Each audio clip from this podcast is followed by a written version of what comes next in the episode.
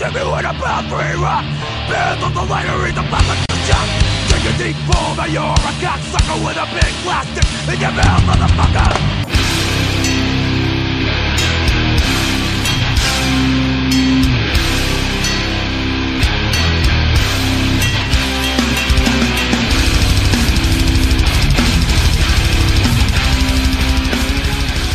Välkommen till Nere på noll, avsnitt 22. Vi sitter här i MBVs studio i Örebro. Jag, Daniel Nätterdal, har fått den stora äran att påa det här avsnittet. Jag sitter som vanligt här med Robin Lindblad och David Olsson. Hej! Tja! Och med oss idag har vi en gäst, Love Tubeck. Ja, tackar, tackar. Välkommen! Du kan få en applåd. Fett som fan! Kan man inte klippa in sånt Robin? Jo, det kan man säkert. Jag borde ha en knapp här bak där jag ändå sitter med kontrollrummet. Jag kan trycka på en sån här klassisk Riks FM-applåd. Så att det Och, och, och påläggda skratt. Ja, det känns så pinsamt för mig sen. Men välkommen Love! Ja, tackar, tackar. Kul att vara här. Va- Vart jag programledare för hela skiten nu eller? Äh, men eh, jag tänkte vi skulle bara introducera lite varför Love är här först och främst. Eh, innan vi hoppar på feedback och hänt i veckan. Eh, men eh, Love, du är ju en gruffkonnässör av rang kan man väl säga. Och eh, här för att både utbilda, tipsa och snacka med oss om eh, gruffband helt enkelt. Inom hardcore. Och jag tror... Gruffnestorn. ja, precis. Eh, jag tror vi har sagt det förut också att eh, samtalen med Love i eh, olika bilar på väg hem från gigs var det som tände eh, idén till att vi skulle göra den här podcasten. Så Så känner ingen press men Nej, nej, nej, nej. det tog 22, 22 avsnitt innan vi fick till det. Men eh, eh, ja, fan nu, nu är vi samlade. Ja. Yes. Eh, och vi rider ut den här jävla värmeböljan med att inleda med en massa feedback från senaste avsnittet. Vi snackade om könsrock, trallpunk och allt däremellan kändes det som. Eh, från, från, från mitt håll, de jag känner som har lyssnat på det, många har varit jävligt peppade på Onkel efteråt. Många som har eh, dunkat eh, homotider hej hej, i, gay gay i bilarna sen dess. har jag fått höra. Så det är ju ett, ett utfall av det avsnittet. Har ni hört något mer eller? Är det någon som har skrivit till oss? Det var ingen som tog mitt parti i att det inte är så kul. Ja, det var skönt. Nej, men Faktum att det är faktiskt jävligt många som, eh, som gillar förra avsnittet. Att, eh, ja som har sagt att det var, var ert bästa. Så vi kanske får bli en renodlad eh, könsrockspodd här fortsättningen. Vi ska stryka lyssnarna med hårs. Precis. Eh, nej men eh, på feedbacken då så fick jag faktiskt ett, eh, ett meddelande från på, på Facebook från en kille som utgav sig för att vara Onkel Konkes gamla bokare. Det är jävligt spännande. Eh, och eh, han börjar väl med att säga att eh, jag dementerar här med alla, alla saker som ni, som ni sa i podden.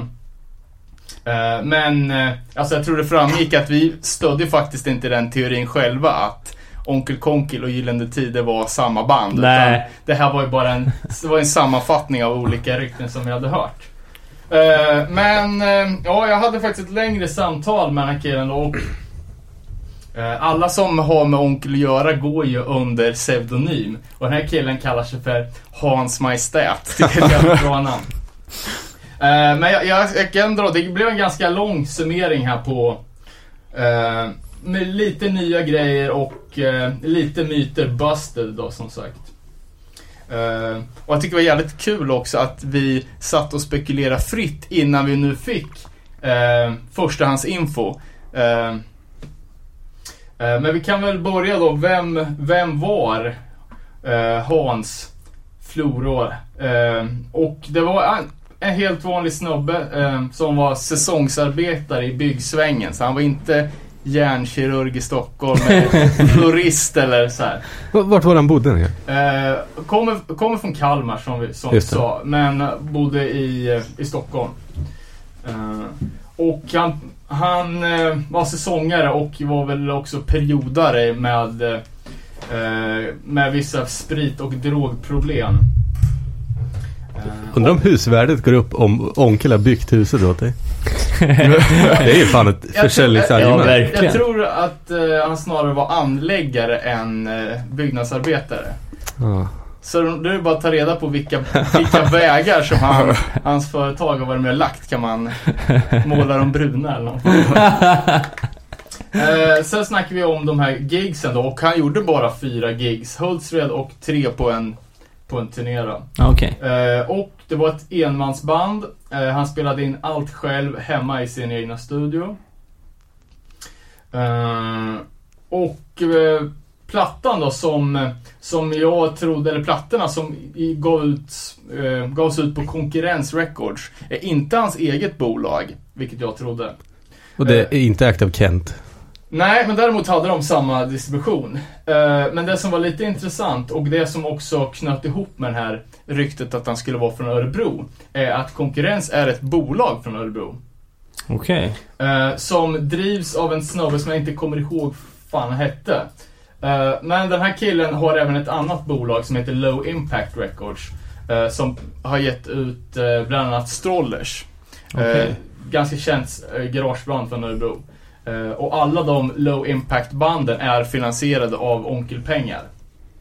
Eh, men det var en, en liten rolig twist på det här, att det snubben som gav ut Onkel, han jobbade för Svenska kyrkan. Jaha. Eh, och han eh, jobbar med att göra Svenska kyrkans tidning. Eh, och då på sin, sin jobbdator där han ja, men layoutade deras tidning så gjorde han även artwork till Onkel. Eh, som då uppdagades någon typ av öppet nätverk på kontoret och folk såg massa pedofilteckningar och grejer. Så snubben hade hamnat i rejält med trubbel. Ja, det förstår jag. Eh, och Lätt att förklara Onkel Konkel för någon gammal präst. Ja, eller hur? Jo men det är ett skämt. Ja, du är ett skämt. Eh, och att killen då som... eh, att han ligger jävligt lågt. Det är ingenting som han eh, står för offentligt. Liksom, att det är han som ligger bakom konkurrens.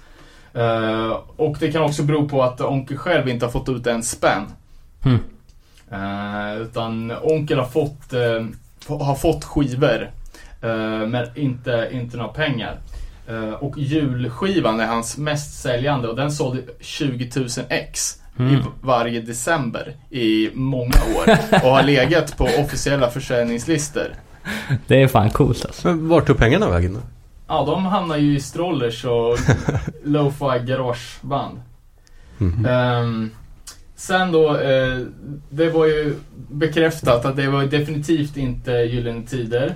Det var inte heller Soundtrack of Life som var Onkel Konkel. Eh, dock är ju Ebbot ett uttalat stort Onkel-fan. Eh, sen var det en liten eh, rolig anekdot då från den här tre dagars turnén. Eh, och när, när Onkel då möter upp med sitt kompband eh, så hade han bara med sig en enda väska. Eh, och den väskan var full med rekvisita. Det var bögporrtidningar, dildos, vattenpistoler och bara, men som ett riktigt jävla vuxen-buttricks liksom. Det var allt han hade med sig. Eh, och ja, e- efter första, första gigget då. Eh, så han var, han var jävligt nervös, liksom. han hade ingen scenvana. Eh, så han hade rökt ner sig så in i helvete. Eh, så han hade pissat på sig på scen på första gigget. Ehm, men det var tr- tror jag inte något som hade märkts. Um, hade ju dock inte gjort någonting. Det hade ju bara varit en... ett... Ja men en, en bra onkelgrej. Ja, hade han applicerat vattenpistolen på samtliga så hade det ju inte märkt som han hade pissat ner sig. Nej. Eh, Men den här vattenpistolen dök ju upp igen då. För när de skulle åka till, till spelställe 2 och hämta upp han på hotellet så Eh, knackar på dörren och ingen som svarar. Så står de och bankar på dörren. Eh, och ja, det, det är ingen som svarar. Så efter en timmas bankande så, så får de ta dit någon från hotellet som eh, låser upp dörren. Eh, och på sängen då så ligger han Eh, som en farao fick jag berättat för mig. eh, så jag antar att det är korslagda armar. Så. Eh, och eftersom han uppträdde i, med bandage runt eh, facet som maskering så jag vet inte om han hade det på sig.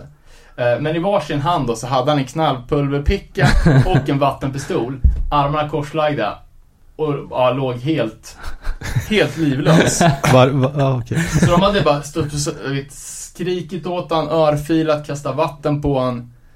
ehm, utan att få liv i han. Mm. Så det hade pågått en timma till innan han till slut vaknade och vad, vad är det? Jag, jag sover bara lite, nu drar vi. och då hade han tydligen eh, börjat höra röster från vattenkranen. eh, och beväpnat sig då med sina två pistoler innan han gick och la sig. Fan. Eh, han hade även beordrat de, de eh, kompmusikerna att ha stomipåsar med chokladpudding på sig under kläderna. Så det var ingenting som märktes, utan det var bara för att de skulle komma in i känslan. Fan. Jag trodde det skulle vara en, eller en, en ganska så här mentalt stabil snubbe bakom det här Onkel Konkel men... Det låter som det är snar- exakta motsatsen. Ja, grov medicinering som be- behövs. Eh, sen det här kompbandet också, det var ju rätt så, rätt så kul story för att eh, Dels är en från Örebro Mhm. Eh, och två stycken är idag väldigt kända musiker som spelar eh, maskerade. Mhm. Eh, och det här var eftersom att de som spelar maskerade till vardags är jävligt hemliga med det. eh, Så, så får man dra sina egna slutsatser. Det var ingenting jag fick säga. Men alla som eh, känner till svenska hårdrocksband som kör eh, understöd kan ju dra sina egna slutsatser. Absolut.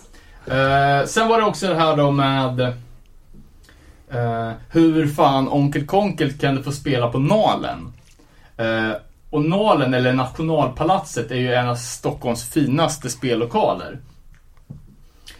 Och det var ju... Inte för punkband, nej. Nej men precis, det var ju liksom där swing-grejen hade sin peak fr- från, ja, mellan 30 och 60-talet. Eh, och det är ju verkligen ett alltså, eh, de som har varit där vet alltså, de har ju kristallkronor i miljonklassen. Det är ju Mm. verkligen ett fancy ställe. Eh, men nu visar det sig då att Nalen ägdes av STIM, eller Sami som det heter nu, alltså musik, Mm. det är väl, ja de som man måste betala till. Och bossen där, Staffan Agrell, han är gammal punkare från Jönköping och har spelat i bland annat Pöbel Möbel och hade Skvaller Records. Så nu då de hörde av sig till Nalen som alltså egentligen var out of League liksom. Mm. Så tyckte ju, tyckte ju den där bossen då, fan det är asfett med Onkel, klart de får komma och spela. Eh, Men dock ville ju Onkel att det, sk- att eh, det skulle stå analen på biljetten. Så, och där hade till och med de satt ner foten. Jävla legend alltså. Ja. Eh, sen också två detaljer att eh, det finns ett fotbollslag, jag, jag antar att det är någon typ av korplag som är uppkallat efter, efter Onkel Konkel i Kalmar. Eh, Fan, det trodde jag det fanns tio stycken. Ja, det borde det finnas. Ja, ja, fan. Eh, volleybolllag kanske. eh, och sen då som var lite kul att höra också att eh, det finns 300 osläppta låtar. Eh, som var för grova för att släppa på konkurrens. Eh, Så frågan är nu vad Onkel Konkels dödsbo vill göra med de här, den här låtskatten. Jag menar, den är ju mer värdefull än Stig Larssons liksom. Så de har... Kom vi fram till om han hade familjen? Nej, det, det, det tror jag inte. Eh, Men det är intressant det där med Skvaller Records. Jag vet att eh, eh, jag velade som fan i förra avsnittet om jag överhuvudtaget skulle snacka om Arabens anus. För det är också så här jävligt grova texter, inte alls okej liksom. Ja. Men eh, som, som jag la ut på Facebook här eh, i veckan. Jag blev tipsad om eh, Arabens anus efter att jag hade spelat in. Och deras koppling till eh, både deras första demo som, som spelades in av eh, Ingvar Carlsson från Sven-Ingvars. Eh, och som senare kom att släppas då på Skvaller Records, precis som deras hela backkatalog. Men även att på sång och gitarr så är det Jan Linda Lindström som senare gick och skapade det kända popbandet Jumper. Så att det är verkligen så här. Är det sant? Ja, det är sant. Snacka om att gå ner sig. ja men verkligen. Eh, så att, eh, och, och det var under sam, samma period som, eh, som Jan Linda Lindström körde gitarr, piano, orgel och kör i Jumper så gav han faktiskt ut grejer med arabens anus. Så att... Eh, Jag har aldrig hört det. Är det Onkel Konkel typ? eh, ja, alltså det är ju eh, mer fokus på supa skulle jag säga. Men jag undrar vad den Sven-Ingvars-snubben tänkte jag var. Så vad, vad hade han gjort? Hade han producerat? Ja, producerat och spelat in... Eh, Eller producerat, skapliga situationstecken. ja, Tryck men, på play. men han, han spelar ju, eh, alltså Ingvar Carlsson eh, är gitarrist och dragspelare i Sven-Ingvars. Så det var han som producerade deras första demokassett. Alltså, Eh, jag får, får jag bara fråga, alltså är det någon av er som vet vad fan en jumper är? Min mormor brukar säga Det det, är en här, tröja- liksom. det är det är någon form av klädesplagg. Ja, eller, eller tröja. popbandet. Ja, Vem vet? Nej men det är ju en slags tröja. ja. Eh, Alltså, stickad tror jag. ja, mm, precis. Man skulle väl... Är det inte en sån här tröja som är stickad med spänne, eller knappar där fram? Och M- Möjligt. djup. Vad den heter. Snillen spekulerar, ska vi gå vidare? Ja. Eh, men, eh, ja men jävligt kul att han hörde av sig i alla fall får vi säga. Hans Majestät. Ja, ja, vi hade ett ja, fan, halvtimmas långt eh, telefonsamtal där på min... Jag hade ju, min fru fyllde år så vi hade så här, hela familjen på, på kalas. Jag var tvungen att gå lite åt sidan och snacka onkel. Ja, du får köpa lös de 300 låtarna. Jag, jag, jag har varit lite sugen men jag tänkte nej det är fan inte, det är inte jag som ska göra det. Men vi kanske skulle kunna starta någon form av Kickstarter eller Indiegogo och försöka få loss dem där. För jag menar det där är ju en kulturskatt för helvete. Ja exakt, det ska ju staten köpa. ja, och visa på Nationalmuseum eller något. Eh, Men jag vet inte, det- släpptes ju eh, en tre volymers eh, någonting på senare tid som heter Onkel Konkels sälla toner. Mm. Såg jag. Eh, Men det kan ju inte vara 300 låtar så det finns ju säkert en, ett tjockt gäng kvar och eh, pumpa ut där. Köper loss sex och gör en split med Onkel. Fatta vad episkt. Eller? Ja, så, exakt, bara släppa. Lowest Creature och Onkel Konkel. Onkel Konkel. Ja, fan Lewis Creature har ju sålt slut på, på alla såna här sjuor nu så nu är det ju ett nytt projekt här för oss på Dollar Green. Nice. Det blir fan Onkel Split kanske. Det får vi prata om kanske. Eh, Ja, Ja, sen har, ju, sen har det Mark av sig.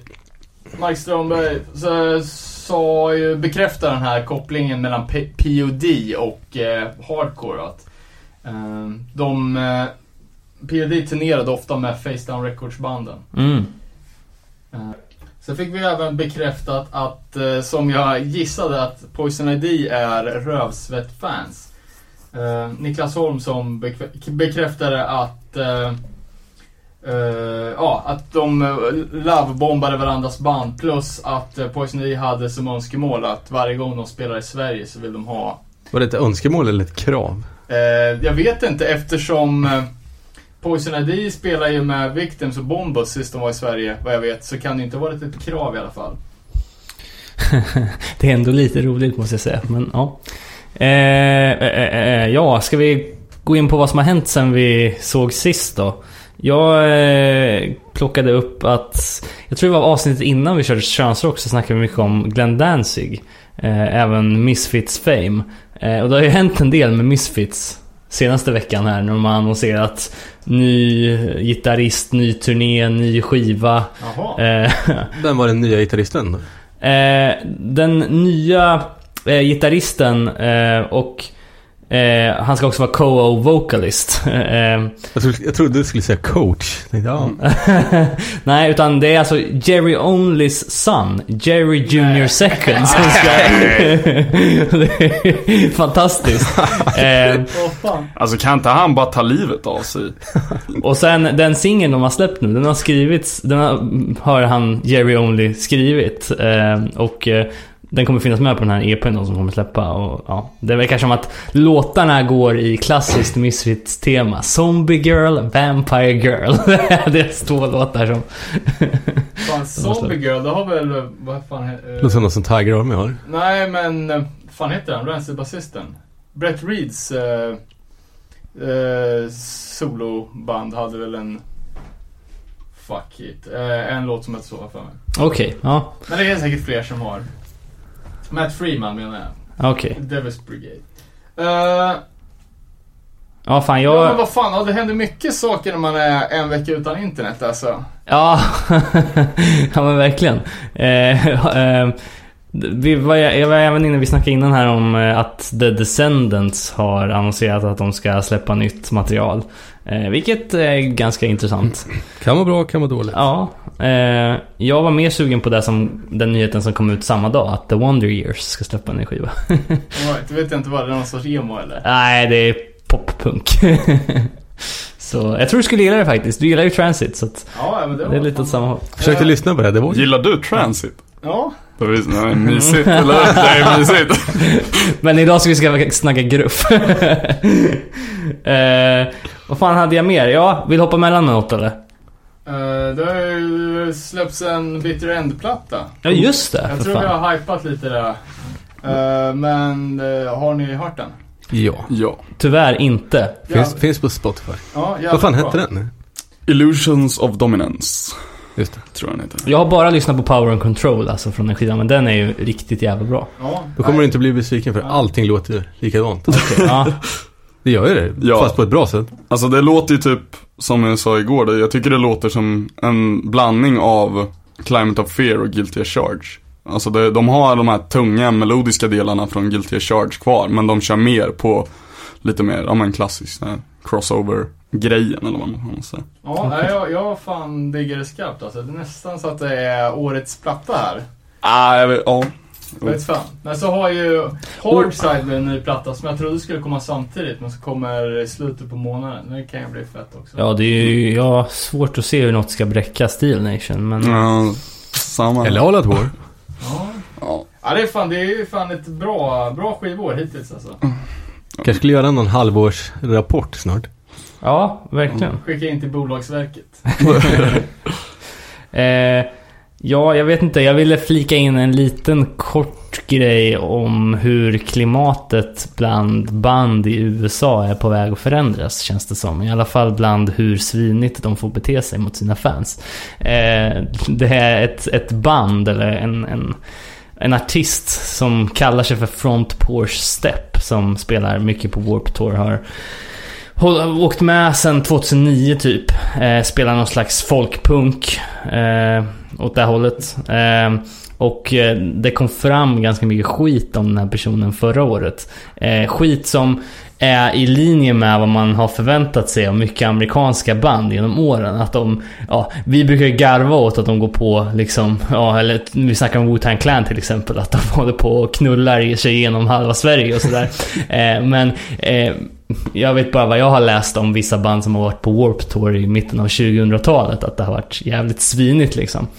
Men, Det är första ett amerikanskt band sä- säger ja, vi älskar Sverige, ni har så mycket snygga tjejer. Ja men eller hur? Och så här, man undrar ju hur oh, de- det har man aldrig hört förut. Man, nej men exakt, man, man undrar ju hur de beter sig liksom mot sina fans och eh, jag tror det är mycket som inte kommer fram. Men nu i alla fall i relation till eh, Front Porch Step så, så har det kommit fram jävligt mycket. Eh, den kanske inte är helt okej, nyhetssajten Altpress har rapporterat som fan om det här. Eh, men hur som helst, eh, i förra veckan då så skulle de eh, det här året då in, eh, inte vara med på, på Warp Tour eftersom det hade kommit fram jävligt mycket skit om Är det ett band eller en person? Ja, det är en person som ibland har ett kompband, så kan vi säga.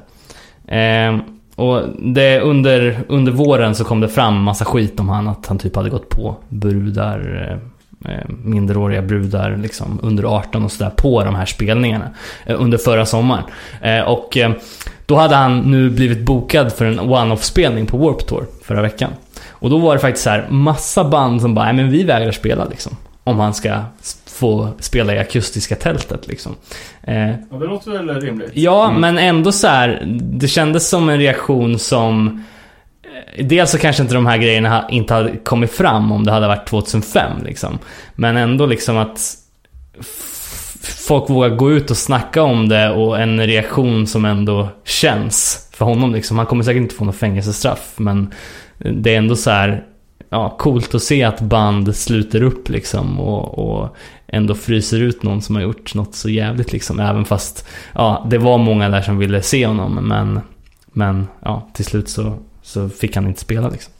Eh, så det var bara coolt att se att det är på väg åt ett sånt håll i USA också liksom. Eh, vi har ju snackat tidigare om det här No Way for Harm's Way grejen som Ja. var rätt eh, hysteriskt om. Ja men det var väl som när... eh, Fan, var det Bring Me The Horizon? Som inte kunde... Eller vad fan, vilka var det nu då? Var det inte de som hade kissat på någon eller vad fan det var? Ja. Jo, Ja, jo men exakt. var det då? Det var, det var, det var sången. Det var ju på ett pressurefest typ när de inte kom. Ja, för att de skulle få stryk. de vågar inte komma för då kommer de få stryk. Men jag menar, även om det här är band som vi kanske inte lyssnar på så är de ändå något sätt halvt associerade med någon slags punk hardcore sväng liksom. Och då är det ju viktigt att, eh, även om de är jättestora och inte appellerar till samma publik som andra band så, så blir det ändå liksom hård reaktion mot, mot alla, från alla övriga band. Och det är Ja. bra liksom. Tycker jag. Men sen Så, vet jag inte, det är ganska säkert liksom vad, typ om man inte vill, om man tycker att någon är fucked up och eh, drar sig för att säga det för att man, man ja, inte, inte vill stöta sig mot mm. Kollegor liksom. Men jag menar om alla punkband gaddar ihop sig mot någon jävla eh, halv countrypunkare. Då, alltså det är inte supermodigt heller. Nej, absolut. Det är bra. Eh, ja, nej men det var det jag hade, eh, tror jag. All right. Eh, är det någon som har hört Devour? Ja, har hört namnet men inte musiken. Nej, fan, det var ju svinbra. Jag såg, eh, jag såg först en t-shirt. Eh, så det stod Death to Falls Metalcore. det var någon, eh, en Manowar-pastisch där antar jag. Eh, och eh, sen såg jag, eh, det låg uppe en, en låt med Ja, det- bilden till låten var ju Devour-loggan med Earth Crisis-fonten. Mm. Ah. och det var ju extrema Earth Crisis Breed Killers vibes över hela den, den grejen. Men Okej. de släppte typ en demo nu i år, eller var det förra året? Ja, det här tror jag är från 15. Jag har aldrig hört talas om det förrän i veckan. Men menar de själva att det är metalcore? Jag har aldrig tänkt på Earth Crisis som metalcore. Det är ganska många band som har börjat slänga sig med den där termen nu sen, sen det börjar bli lite sexigt att spela 90-talsgrejer igen liksom. Ja, men jag tror väl mer att det var ett, ett, ett, ett sätt att vara lite lustig och samtidigt slänga en känga mot metalcore-svängen. Ja men precis. Robin, du skickade någon t-shirt. Vad var det? T- Taylor Swift? Taylor Swift, Med Earth eh, Crisis-grejer. Ja, så här, Earth Crisis-typsnittet har visst blivit öppen font nu. Nej men jag tror det var ett skämt Ja, faktiskt. ja, ja, men det, det var jävligt roligt skämt. Ja, det var det. Eh, för att få sätta det i något slags sammanhang så var det en Earth Crisis eh, t-shirt som, som någon hade rippat och gjort en Taylor Swift t-shirt av istället. Klassiker med en bandlogga där bak och textrader. Men jag, jag tänkte på det här du snackade om eh, att slänga sig med, med uttryck och så här och vad som är true eller inte på ett sätt. Eh, jag hade bara ett, ett lite kort sidospår här, men jag satt och kollade på Hultsfredsfestivalen år 2000-klipp häromdagen. Och då såg jag Luke, eh, Lukes spelning. eh, och dels så, så rockade han Suicidal Tendencies eh, linne. Men det som var roligast var efter själva spelningen. Det här var ju en livesändning som ZTV gjorde år 2000 när Hultsfredsfestivalen var sin absoluta peak. Och Orvar Sävström drog en sån här snabb analys av, av framträdandet. Så direkt efteråt bara Jaha, när man klarar så här. så Bara, Jaha, ja, det där var ju sådär men fan trummisen alltså. Ha mick som trummis, fasttejpad. Nej, det bara går inte. Och sen sa han någonting om att det är exklusivt för death metal trummisar. Och så nämnde han typ något väldigt smalt band från Kalifornien eller någonting.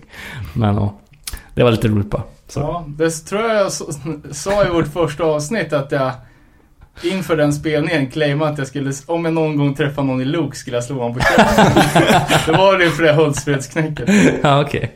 Vilket jag inte gjorde. Eh, ja, så såg jag bara, eller hörde. eh, det snackades om den ideallängden för podcasts. Vet ni vad det är? Nej, 40 minuter? Det är någon, 20? det är någon som har... eh, Två timmar. pod, podcastplattform som har räknat ut det då att det som är mest lyssnarvänligt är 27 minuter. Så jag vet inte riktigt hur vi ligger till där, men vi måste ju fan snitta på... Det är sällan vi är under en och en halv timme. men då skulle vi kunna släppa ett avsnitt om dagen. Ja, Men det kanske är upp till Kanske måste lyssnarna klippa mer. att tycka till liksom om, eh, om vi ska köra kortare avsnitt och gö- göra det oftare. Ja, precis. Vi har ju själva snackat om att eventuellt så här typ ha feedback och hänt i veckan som en del och eh, huvudämnet som en annan del. Liksom. Om man tycker att, ja, då kan man släppa det ena, ena fredagen och det andra nästa fredag och så rullar Men det man. blir ingen skill- Det enda vi gör då är att klippa upp ett avsnitt. Precis. Så kan man lika gärna pausa i mitten och lyssna resten nästa fredag. Ja, det är sant. Vi får lägga in en jingel. Pausa här om du bara vill ha 27 minuter. Nu är det dags att vända blad. Nej men vad fan, folk får väl eh, tycka till. Eh, får gärna också sprida ordet så vi får in lite nya lyssnare. Ja, absolut. Och- Fan. Vi vill ha stimpengar och vara på nalen. Vi kommer aldrig få några stimpengar, det måste vi få betala stimpengar. Ehm, och recensera och... Ja, men du skrev ju, det var ju något som har hänt sen sist. Du skrev ju en recension på All Out Wars nya. Ja just det, ja fan jag var, var ute och cyklade och lyssnade på All Out War och eh, kom på massa saker, skrev ner det på papper. Eh, jag hade även eh, felciterat lite inte så Det är ingen som bryr sig, vad fan. Det är inte tryckt media det här. Nej. Jag kan säga personligen så har det hänt att jag faktiskt har köpt biljetten nu till Anti-Flag Less than Jake 8 augusti i London. Så att... Eh, såg att Less than Jake var med på senaste avsnittet av Turned Out the Punk. jaha. Okej. Eh, kan- Som är. Det är ju han uh, Fucked Up-sångarens podcast. Så han intervjuar folk som är i punksvängen. Det är ju underhållande. Hur lång är den? Eh, 27 minuter. Nej, de timmar. Ja, fan. Men... Eh, ha, något mer? Eller ska vi jump into huvuddelen kanske?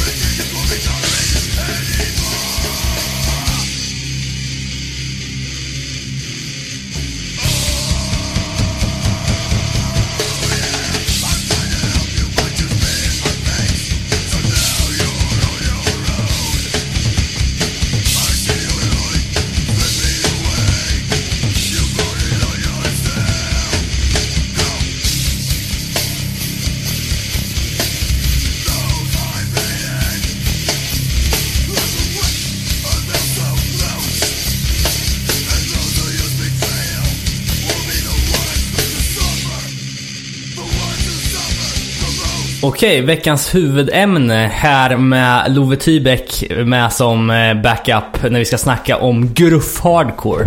Eh, vi börjar väl egentligen med att ställa oss frågan, vad, vad är gruff hardcore egentligen? Är det någon, som- någon som har en bra spaning på det här? eller? Det är lite av en hittepå-genre. Ja, ja, exakt. Det är jävligt mycket gruff, eller gruff, jävligt mycket hittepå. Vi har alltid pratat om det så, men undrar om någon annan gör det. Ja, Men det är ju mer åt, åt tough guy-hållet i alla fall kan man ju säga. Alltså... Eh, Ja, ja, Ja, men precis. Men det är inte beatdown, det är viktigt. Nej. Nej, precis. Det är inte metalcore, det är inte beatdown. Det är ju... Det är gruff. Ja, det förklarar ju så jävla mycket. Det, det har väl typ fungerat lite som ett bra samlingsnamn för hård hardcore på något vis. Exakt. Det är den liksom här- hardcore som brukar ställas med stora bokstäver i hard och så Ja. core. Ja, exakt. För att Ja. betona Eh, det är inte hardcore, det är hard. Men Kan gå hand i hand med jävligt dålig smak på kläder och...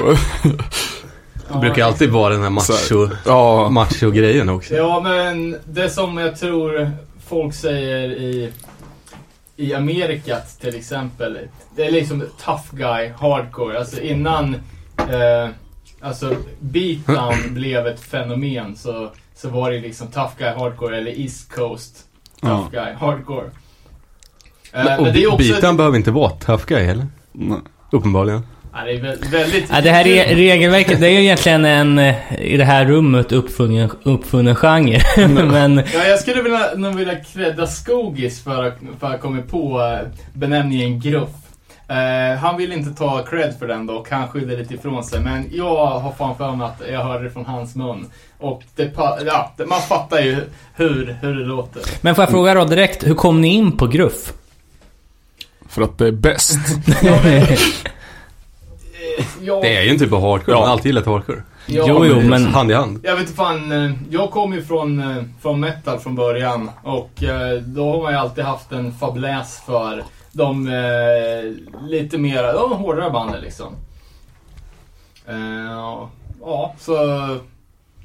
Vad, vad fan, det är svårt att säga vad, vad, vad första bandet... Ja men vad var, vad första bandet som ni kom, kom i kontakt med inom den genren som kom att bli också gruff liksom då? att det som, det som vi kallar för gruff, det är ju också alltså jävligt mycket små undergroundband. Mm. Eh, och den här eran, gruff-eran som vi tänkte snacka mest om idag, det är alltså, är men kanske 90-tal. ja, Ja. 90-talet, det var ganska abrupt slut vid, vid 2000 när, eh, när det blev ett helt annat sound och, och Nej, Ja. När det blir bra ljud på inspelningar. Ja, Ja, precis. För Det att, blir ju aldrig grupp om det är för bra ljud. nej, Nej. För, för det fanns ju hårda band som hade bra ljud. Jag menar alltså Victor-banden. Strife hade ju svinbra ljud och, Mm. eh, och Earth Crisis var ett svinhårt band. Men det är inte, det är inte riktigt där. Vi, vi är ju ute efter det här burkiga ljudet. Ja, ja, ja. ja men eh, alltså, Som bara går att spela in i en källare i New Jersey. det är, lite, det är lite symboliskt att ni tre sitter i ett rum och jag sitter i ett annat här. För ni har ju verkligen stenkoll på det här. Jag har verkligen knappt någon aning om vad, vad begreppet betyder. Men, men eh, vi, vi kommer väl gå in på det här. Jag vet inte om ni vill börja Ska vi måla... från början och måla- måla bilden ja. Precis. Exakt. Ja, vad, vad ska vi börja då med, med ljudbilden? Som sagt, Ljudbilden. det, eh, burkigt ljud, Ja. Skitkonstiga trummor. Ja, ja, hö, höga trummor och hög sång. ja Höga cymbaler som... Och gärna lite huvudet. fulsnygg sång. Alltså det, det är ju inte riktigt den här, alltså det finns ju liksom gruffband med, alltså det är ju jävligt bra sång men jag tror som många liksom som första intryck så är det nog något man kanske får lära sig att acceptera liksom i många fall när man grottar ner sig Ja, liksom. ja men absolut. För det är ju lite så här, alltså Är det inte jävligt flowig sång? Jo, alltså det är ju lite så här, Hiphop. det, ja, men lite så här hiphop, rap liksom bitvis på det och sen så gärna att du kan klämma in något fult så här försök till att sjunga ibland. Också Ja. lite så här, inte, alltså om man tänker men typ Next Step Up och, ja men nästan alla de här liksom riktigt. New Jersey Bloodline? Ja, ja men New Jersey Bloodline också sjunger ju rent, även fast det låter för jävligt liksom. Men kommer undan med det? Hårt. Ja, och hårt. Ja, kommer undan med det liksom. Och man kan tänka det, ja men eh, liksom eh, hardcore, det har ju alltid funnits alltså, det är ju en subkultur som har gått ganska hand i hand med hiphopen. Eh, som, jag tror båda Ja. genrerna kommer väl lite Eller samma liksom- typ av folk ja, liksom. Men, precis. Eh, men att nu då när vi, när vi snackar tidigt 90-tal att eh, Ja men typ som att, ja men till och med Warzone hade ju vissa partier låtar som var liksom rap-betonade. Många old school youth band hade det. Men nu när vi är inne på 92 att vi har gått ifrån den här eh, liksom funk master flex Ja. till lite mer alltså 90-tals rap liksom. Ja. Okej. Eh, och att liksom Att det var första gången som Som folk hade liksom Riktiga, jag vill säga hela rapverser. Mm. Kan, kan ha varit första gången också som Hardcoreband introducerar, alltså kör en helt annan genre. Mm. Absolut, för det är Eller nej, vänta nu. Un- Ja. Underdog hade i och för sig reggae-låtar. Ja. Och Bad Brains. Nej, det, Där dog. Där dog. Men får jag Snabbt. fråga, är, det något specifikt i texterna då med gruffbanden som är, Det är, väl, signi- signifikativt liksom? det är mycket snack om liksom livet. Alltså där man växer upp och typ vad du, alltså vad man får se eller i det liksom Ja. skiten liksom. ja, exakt. Det är väldigt mycket gata och Ja. alltså väldigt, det är väldigt negativa texter. Ja. Eh, alltså man kan väl ganska lätt föreställa sig att eh, den här typen av musik kom lite som en Alltså som en revolt mot Youth Ja. Crew-grejer. PMA. Precis, det är ju, ja men negativa texter, gata, våld, självhat, liksom Mm. sådana. Så hopplöshet liksom över en situation som inte liksom håller.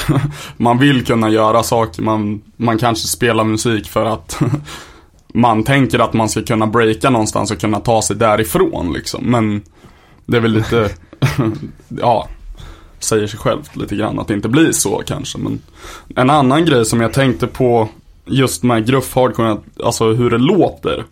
Det är just där eftersom det finns mycket hårda, det finns ju beatdowns i musiken men det är snarare inte fokus på ett tungt breakdown utan det är ju allting fram till breakdownet som är hårt egentligen. Liksom att det är liksom själva uppbyggnaden som gör att det är liksom så här. snabbt typ Ja, egentligen. men det är ju mycket variation i liksom, det är ju ganska, alltså så här, det är ju inte dåliga musiker som spelar gruff på det här sättet heller ofta. Utan det är folk som, alltså så här, det är svårare att spela en youth crew men det är inte, Ja men det, det, Ja. det är som du säger, det är ändå en viss eh, färdighet som krävs för att få det att låta bra och hårt och tungt utan att man faktiskt överanvänder eller ens går in på att spela breakdown hardcore liksom. ja, men- Det blir Eh, jävligt svängigt. Det ja, Ja, är men- sjukt svårt att göra. ja. Ja, och ja, så, som sagt liksom det har, har ju han... Det är ju... Det bitvis tunna ljudet är ju mycket, alltså det är inte lo-fi med flit utan det här handlar ju om att det är... eh, scenerna är ju liksom klassiska gettostäder eh, och det är väldigt mycket DIY. Alltså det finns ju nästan inga... Inga, inga sådana här släpp är, kommer ju från major labels. Mm. Menar, på slutet av 80 80-talet så började ju till exempel Caroline Records som var ett eh, majorbolag och In Effect som var ett fake indiebolag som var ägt av major labels släppte ju nästan ja, men stor del av de hardcore-plattorna som kom på, eh, på den tiden. mm. Men eh, alltså det, det ledande bolaget för ja, så kallad gruff hardcore då, det var ju Rick Talars Back to Basics Ja. som drevs ur en garderob liksom. Ja. Fett. Inte så superpåkostade släpp heller. Nej, Och det hörs. det är Eh, mycket ja. tidig photoshop liksom på omslaget. Och upp, uppkopierat på morsans jobb. Men, Ja. men får jag fråga då, eh, ni snackade om att ljudbilden var väldigt speciell. Eh, rinner här över i hur man klär sig, hur man har artworken och sådana där saker också? Eller hur?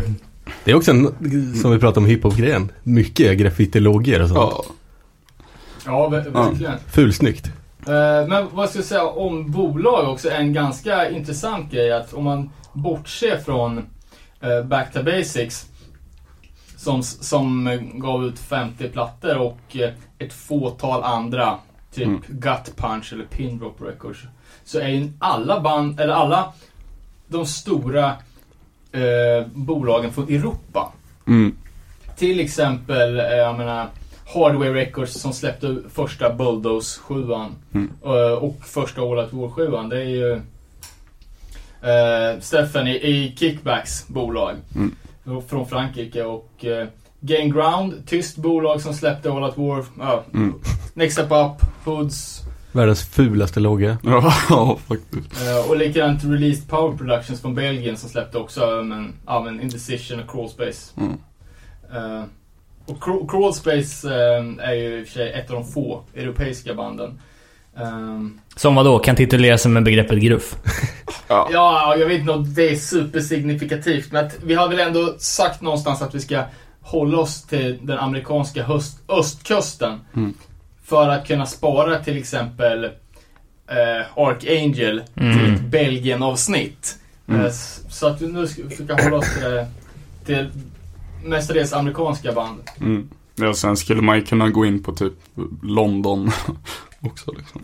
Det, Det är mer gruff. ja, det är ju det är mer gruff än bitan liksom. Egentligen. Ja, det, det, det Där skulle man kunna säga fan, för en som inte vet vad gruff är. Knuckle Dust är egentligen, det är ganska bra liksom. Alltså så här, Ja, de har bara kommit för långt för att Ja. låta som skit. Äh, Ja, kan, kan vi inte bara damma på en, eh, ett eh, ljudexempel så folk vet vart vi är och lirar? mm. Absolut.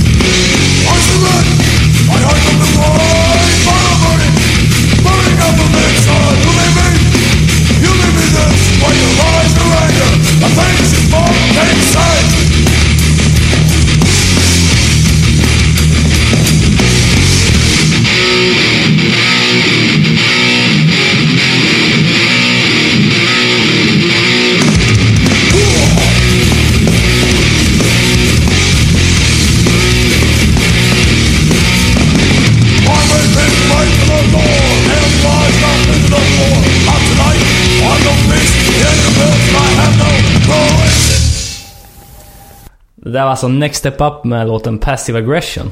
Från när då, typ? 92. Ja, Ja, Från, nice. från Baltimore 92. Ett av de eh, första banden som jag tycker är inne på, på, eh, rätt spår. på rätt spår.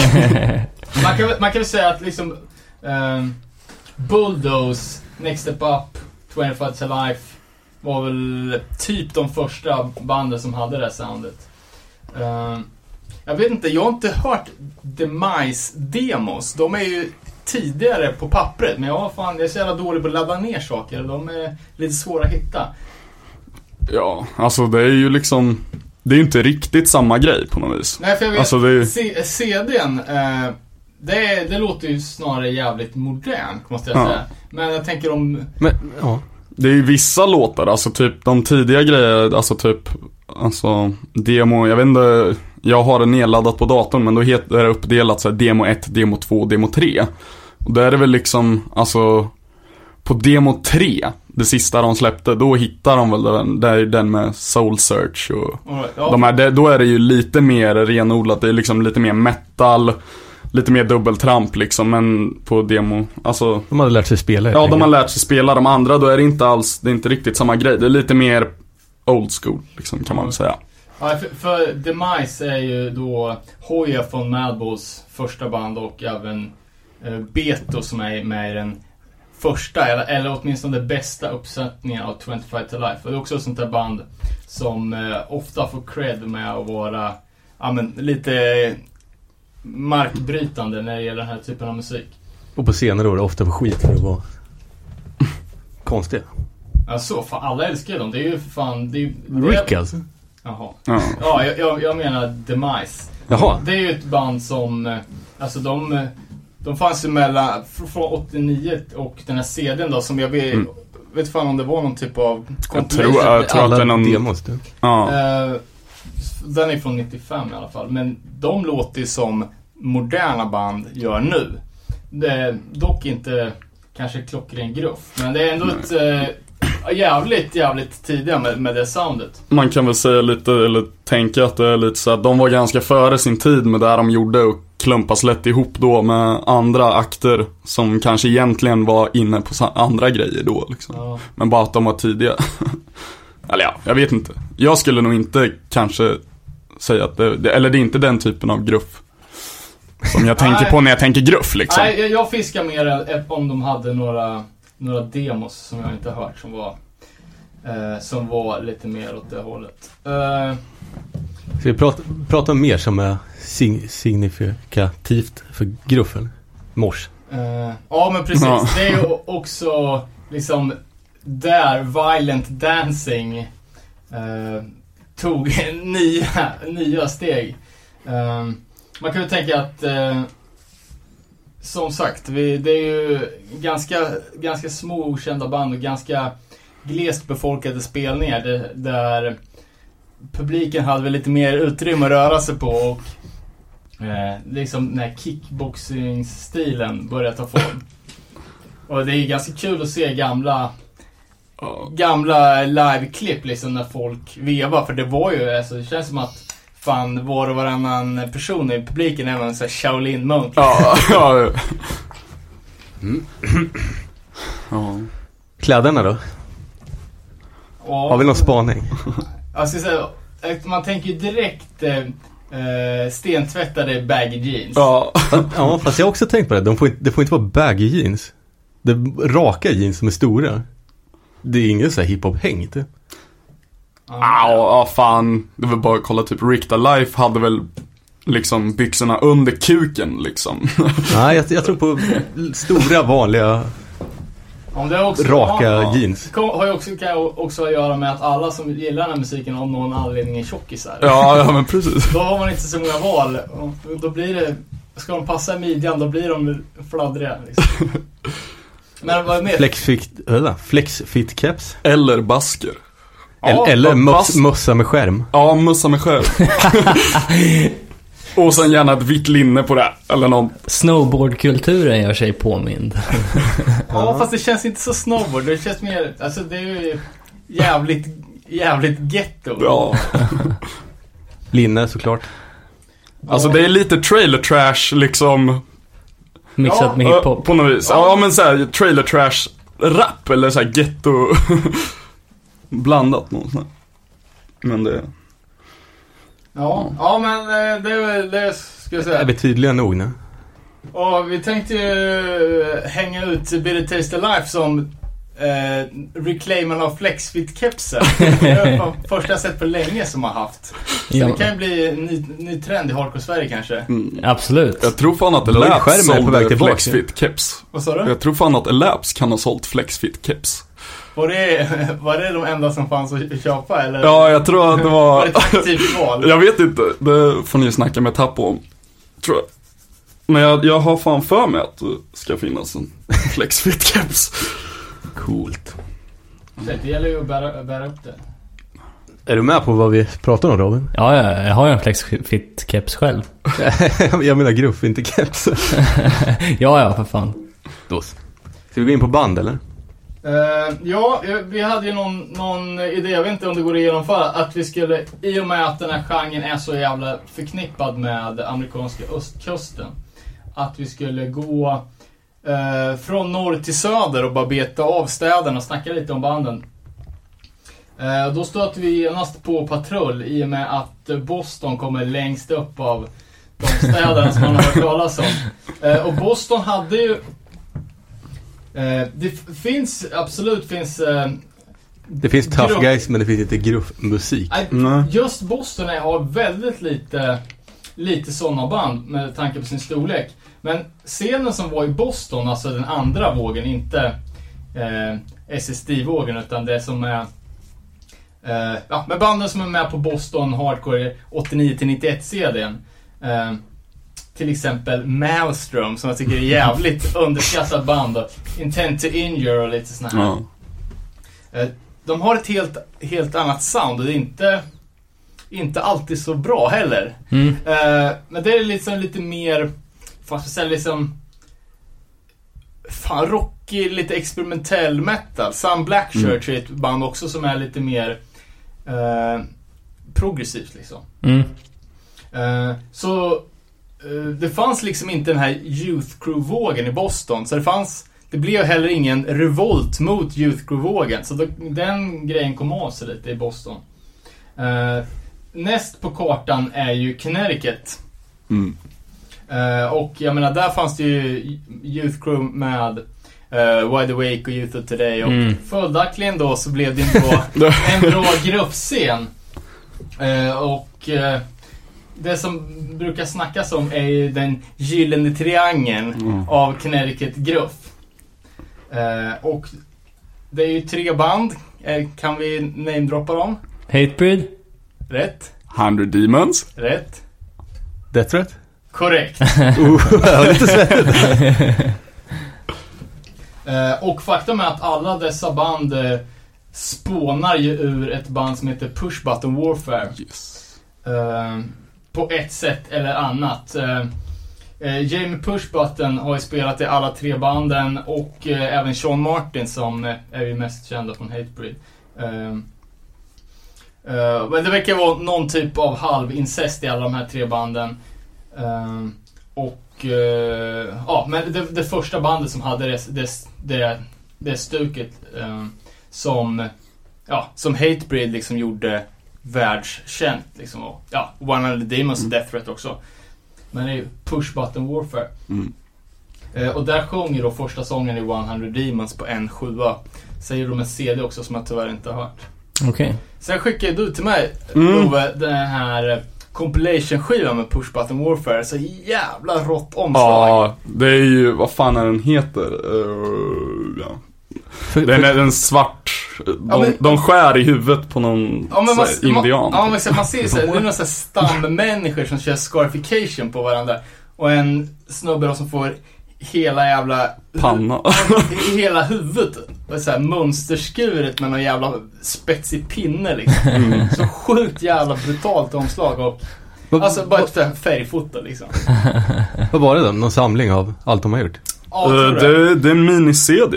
Sju- det är den som är tror jag. All right. Faktiskt. Sen är det från två andra band som verkar vara typ samma folk. Bloodbath och Ja, vad... Disgrace. Ja, Gamla Disgrace. Ja, inte det precis. som, och, som Rush, eller fa- Taylor Blö, bröderna. ja, men, Colin Young och ja, de där. men precis. Sen ett annat Disgrace. Den heter A Pain You Never Thought Could Exist, heter den miniserien förresten. det är ganska, ja jag vet inte. Det är bland de obehagligare skiv, skivomslagen jag sett faktiskt. Ja, det- den är riktigt, det är lite så här halvprovocerande faktiskt. Ja. Eh, Bra som fan i alla fall. Ja, och den sjuan är ju svinbra också. För er som gillar 100 Demons så har vi ju... Kommer fan inte ihåg vad den heter riktigt, men... eh, Ja, det- Heter det den inte verkligen typ någonting. Internal Warfare eller någonting sånt där? Nej, nu är det... Awake. Ja, Skitsamma, vi skulle ha haft lite anteckningar så här kanske. ja. Eh, Men vad, vad kan man säga om de här tre banden då som... eh, Som hur hänger de ihop musikaliskt? Alltså förutom medlemmar. Ja, det är ju liksom det. De, de har ju ändå, alla tre har ju ganska säregna sound liksom. Måste man ju säga, men det, det är väl liksom där att det är en annan typ av sång, en annan typ av riff liksom. Gentemot my- mycket annat som släpptes då liksom. Tänker jag.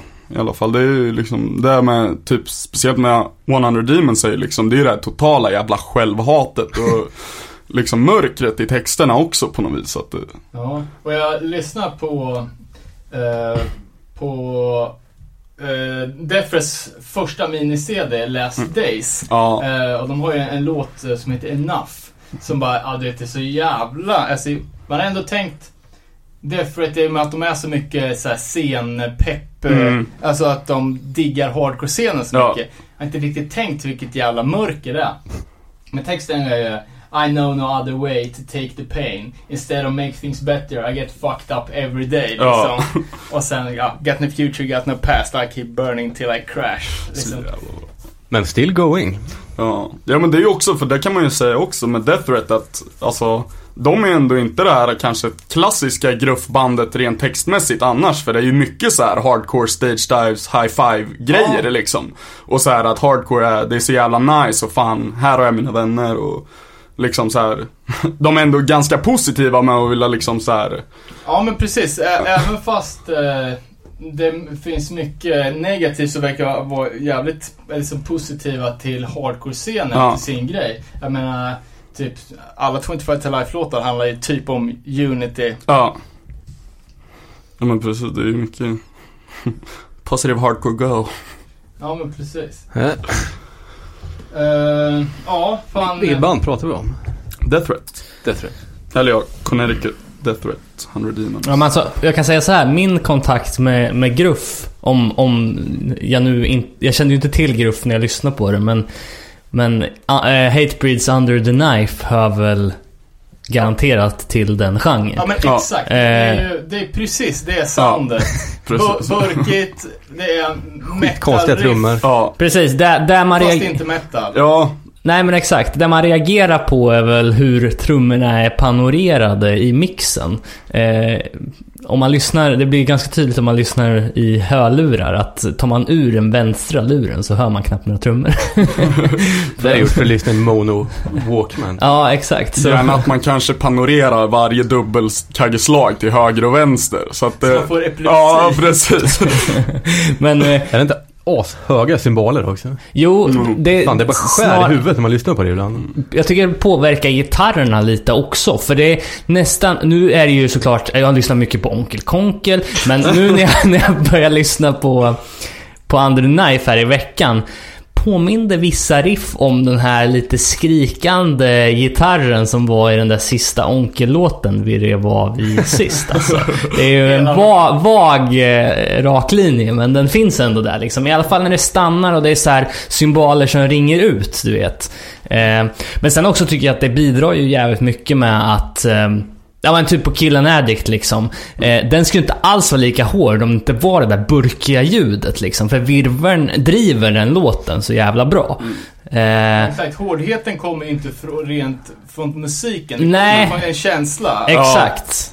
Ehm, Men det är också lite intressant för man tänker ju inte, alltså Hatebreed, ja, fan, de har ju blivit en helt eh, fristående organism liksom. Ja. Men att de faktiskt kommer från, ja men från superunderjorden. Mm. Liksom och att eh, eh, Jamie var jävligt drivande i Connecticut-scenen med sitt bolag Stillborn Records som har gett ut Alltså jävligt mycket som fan pff, Integrity Neglect och Sworn Enemy och alla såna grejer. Eh, att de liksom var ju ett eh, ett band bestående av 100% scenfolk. Mm. Ja. Och skivan efter är fan en av de bästa folkskivorna. Alltså. Satisfaction. Ja, ja. Den är, Ja, ja, och Perseverance också är hur bra som helst. faktiskt. Nej, men, ja, just. Men Men, det- det, det som jag kan Ja. tänka mig också med just när Hatebreed kom. Alltså de var ju ändå lite om man tänker i framkant med att göra, alltså skapa ett helt nytt sound också. Alltså om man tänker, när Hatebreed slog igenom? ja men man Eller tänker på- liksom, Jag ty- men jag, må, alltså de, demo liksom. Alltså det är ju ändå fortfarande, ja men under the knife liksom, det är ju fortfarande jävligt mycket hårdare än, alltså typ den, alltså mycket annan gruff egentligen. det är ju Ja, mycket liksom så här, hårdare än Bulldog Ja, men till precis. exempel. Och det är bara två år emellan dem. ja. ja, och även fast man gillar Perseverance så är det inte säkert att man gillar Under the Knife heller. Nej. Nej, det är också en jä jävla utveckling. Ja. Ja. Och sen är det ju också väldigt mycket så här, det är ett annat driv i det också än vad det fanns i annan, ja men typ som Bulldoze liksom. Det är, alltså Bulldoze kan man, ja men om man ska tänka att de är någon slags myntare för uttryck av Begreppet bitarna, beatdown. ja be, begreppet beatdown liksom. Så är det ju fortfarande så att det är ju så Ja, fan som vi snackade om förut att det är liksom hela uppbyggnaden i riffen liksom. Att det känns som att de har fan lagt ner tid på att göra ett gäng jävligt bra låtar liksom. Men ni, ni var och såg Bulldoze va? För inte så länge sedan. Ja, nog- det var rätt länge sedan nu, Ja, för fan. Ja, tre år sedan tror jag mer. Ja, det ser Fan. Jag tror att vi har pratat om det här i podd. Ja, det har vi snackat sönder. okej. Eh, Vi har ju också snackat sönder Furo 5 som kommer vara bannade från det här avsnittet trots att de är också ett band som figurerar. Vi har pratat sjukt mycket om 100 Demons också tror jag. Ja. Men ska Eh, vi- vi ska ta sista nu när vi var inne på Hatebreeds första sjua då, Under the Knife. Att det, jag har inte läst texterna, men Killen Addict låter ju som någon supermilitant straight edge-dänga. Och det är inte direkt så man tänker på Hatebreed idag. Var det ett edge-band då eller? Jag frågar dig Robin som får eh, straight edge-expert här idag. Med risk för att uh, göra bort mig totalt. Så jo, men alltså, det är vad jag har hört i alla fall. Jag, jag, ja, sorry. Fortsätt. Nej men, Nej, för, förlåt. Fortsätt. sitter du på information? Nej, så- nej, nej. Nej men eh, jag har alltid hört att eh, Hatebreed har varit ett straight edge band liksom. Ehm, det är väl... Ja. Jag letade på sjuan här i veckan och läste texterna. Det är luddigt skrivet. Högst oklart. Det är inte uppenbart Edge eller uppenbart djuret. Nej. Men det Nej, sk- skulle ju gå att få det till det. Vad man tänker över omslaget så är det är ju någon sorts försöksapa liksom och... Mm. eh, ja, jag, vet- jag vet fan. Uh, ska vi ta och eh, gå ett steg uh, söderut? Är vi klara med Death Threat? Jag vet inte. Det är ju typ... Jag ska tillägga, de har ju inte gjort en enda dålig låt. Rätt eller fel? Oh, alltså, Alltså, jag inte vet- dålig. Jag jag- tycker att... ja. Ja. Den bombkällan sjunger är kanske är sådär. ja, fast det är ju en Operation Ivy Ja, cover. precis. Den är ju asbäst. I original. Ja. Förlåt. bara- Ja. det är roligt. Eh, Om man söker på Hatebreed och straight edge på Google så är andra träffen Hatebreeds Jamie Jasta on boozing with the big guys. så, ja, lite roligt. Kan jag även säga att Jamie Just, eller vad heter han? Jamie Shenanenenen. uh, lirar ju ett band som hette Justa 14. Lastguy 14. Ja, nästan. Eh, jag tror Justa 14 är antingen ett bombplan eller någon typ av bomb. Eh, men när det här bandet släppte sin första sjua, då hade han redan slutat alternativt fått kicken. Men han tyckte att eh, namnet Jasta var så bra så då han har ju hetat Jamie Jasta sen dess. Eh, ganska rutten sjua. Nej, vi skulle säga, om vi skulle säga något mer om, om Death Threats. Det är ju ett ett av mina favoritband. Eh, dock så tycker jag att The Going Nowhere Fast som var senaste fullängden inte kanske var sådär s- 100% Och det ska man ju säga också, vi som eh, är uppvuxna i alla fall lite senare, eller kom in på hardcore på lite senare, mitten av 2000-talet så har ju ändå fått jävligt bra möjligheter att se den här tre triangeln av band i Skandinavien. Eh, Death Threat Nyköping 2009, eh, Hatebreed överallt eh, och eh, eh, eh, 100 Demons i, i Finland 2013 så. Ja, det är ju ändå ganska kul nu att det så här, på senare år så har de här gamla gruffbanden börjat göra lite så här återföreningsgig liksom. Det är ju ganska kul liksom. Det är många band som man aldrig trodde att man skulle få se liksom. Nej, eller hur? Alla de här banden håller ju fortfarande på. Ja, Ja. Ja, ja, Death Threat och 100 Demons och Hatebreed ja, i alla fall. I högsta grad. Ja, Ja. även fast de borde ha lagt ner. Ja, Death Threat tycker jag är fan den... Rude Awakening-splitten Ja, är svinbra och verkligen. den uh, Lost at Sea 7 är också helt jävla grym. Ja. Så det är kul att folk eh, kan pusha ut fräscht nytt material efter tio år som band. Fast de är så gamla. Men eh, det var Connecticut där. Ska vi gå vidare till... Ja, då Något blir annat? det väl eh, New York då. Ja, vad har vi på New York?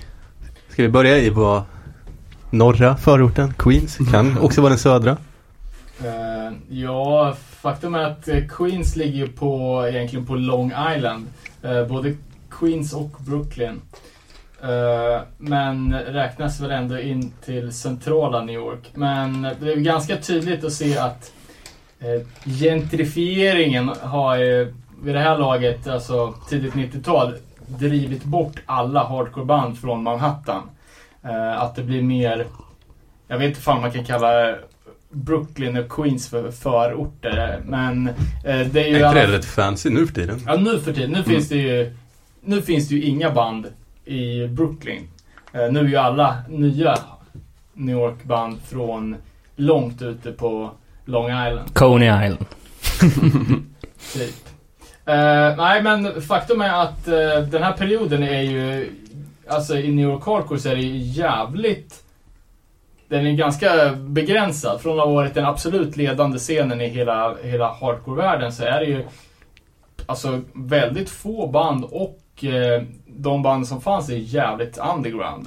Mm. Eh, det fanns väl en, ett, ja, en klickband som, som kallar sig för New Blood.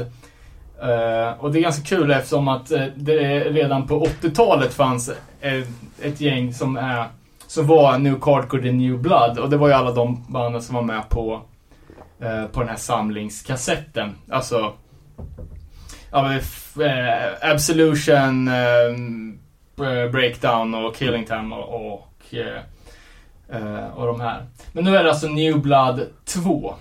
eh, och det, de allra flesta Och band... de heter inte det Newer Blood då? Ja, jag vet inte fan om de bara... Sen kommer Newest Blood. Sen är det svårt. Eh, om de eh, inte själva var, var medvetna om sin eh, New York Hardcore-historia eller om de bara sket i det. Eh, det är väl som eh, Sworn Enemy då, eller Mindset som de, som de hette från början.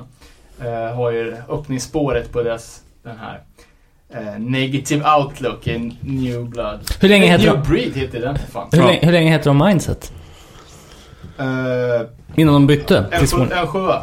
Okej, och som Eh. kom ut...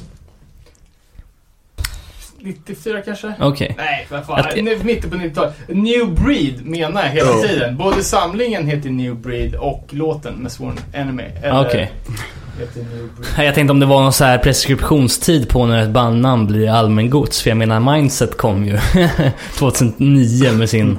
Det var väl därför Sworn Enemy bytte? Om man, om man säger så här, det är väl säkert tio personer i hela utanför eller som inte var med i den där klicken som vi vet om att de hette Mindset Ah. från början säkert liksom. Det var väl Eh. inte direkt något liv. Det blev väl inget med Nej, det. nej, de gjorde ju en, en sjua. Eh, som Mindset. Det är, det är tre låtars. En av dem hamnar på den här Sworn Enemy minisedeln. Eh, men innan det så hette de ju Downfall. Det måste vara ännu fler band eh, som, eh, som hette. Eh, men New Breed-gänget. eller IDS Crew som, som de flesta av de här banden sjunger om. Det är ju alltså eh, Everybody Gets Hurt,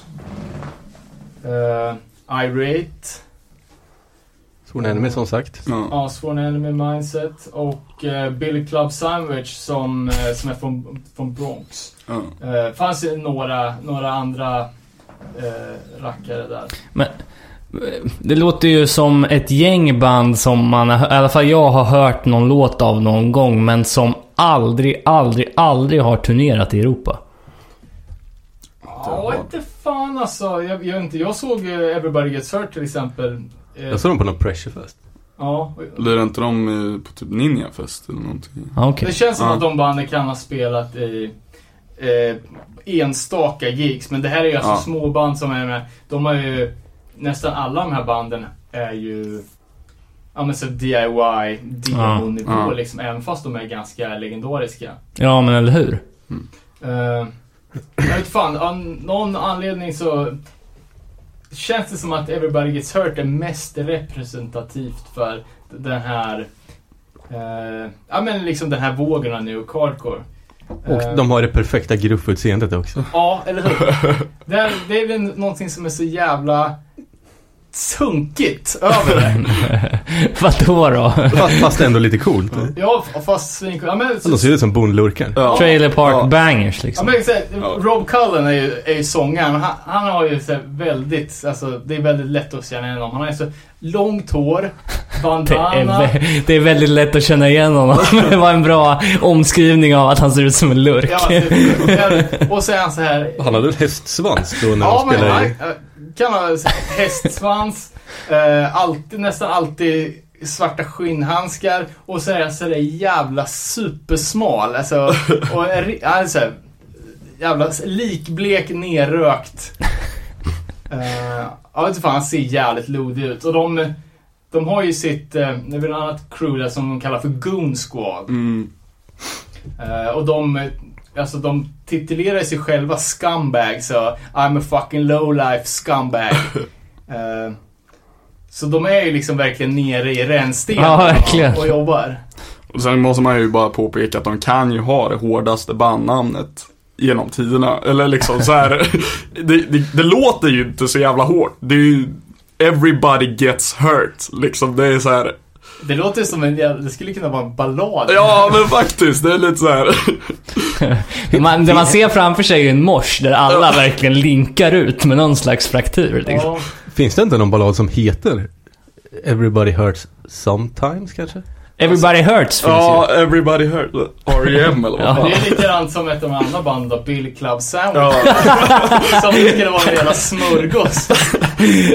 Man brukar ju snacka om klassiska så här, första texten till band är att sjung menyn på sin bylla. Det här kanske var, vi måste ha ett bandnamn men han jobb, sommarjobbar på Subway så vi tar tredje meny-itemet liksom och tar det som Men, ett band. ja, Men Billy Club Sandwich är Det menas väl att få stryk av snuten egentligen. Jaha, okej. Alltså, Ja, Bi- Billy Club, jag vet inte om det är en Ja. snutbatong Ja. eller om det är de här jävla rundade, korta batongerna. Ja. Jag vet- Och sandwich, det är ju liksom... Någonting-. Ja, Någonting man får in i käften liksom. Så det, det handlar ju om någon typ av våld eller? Ja, jag förstår.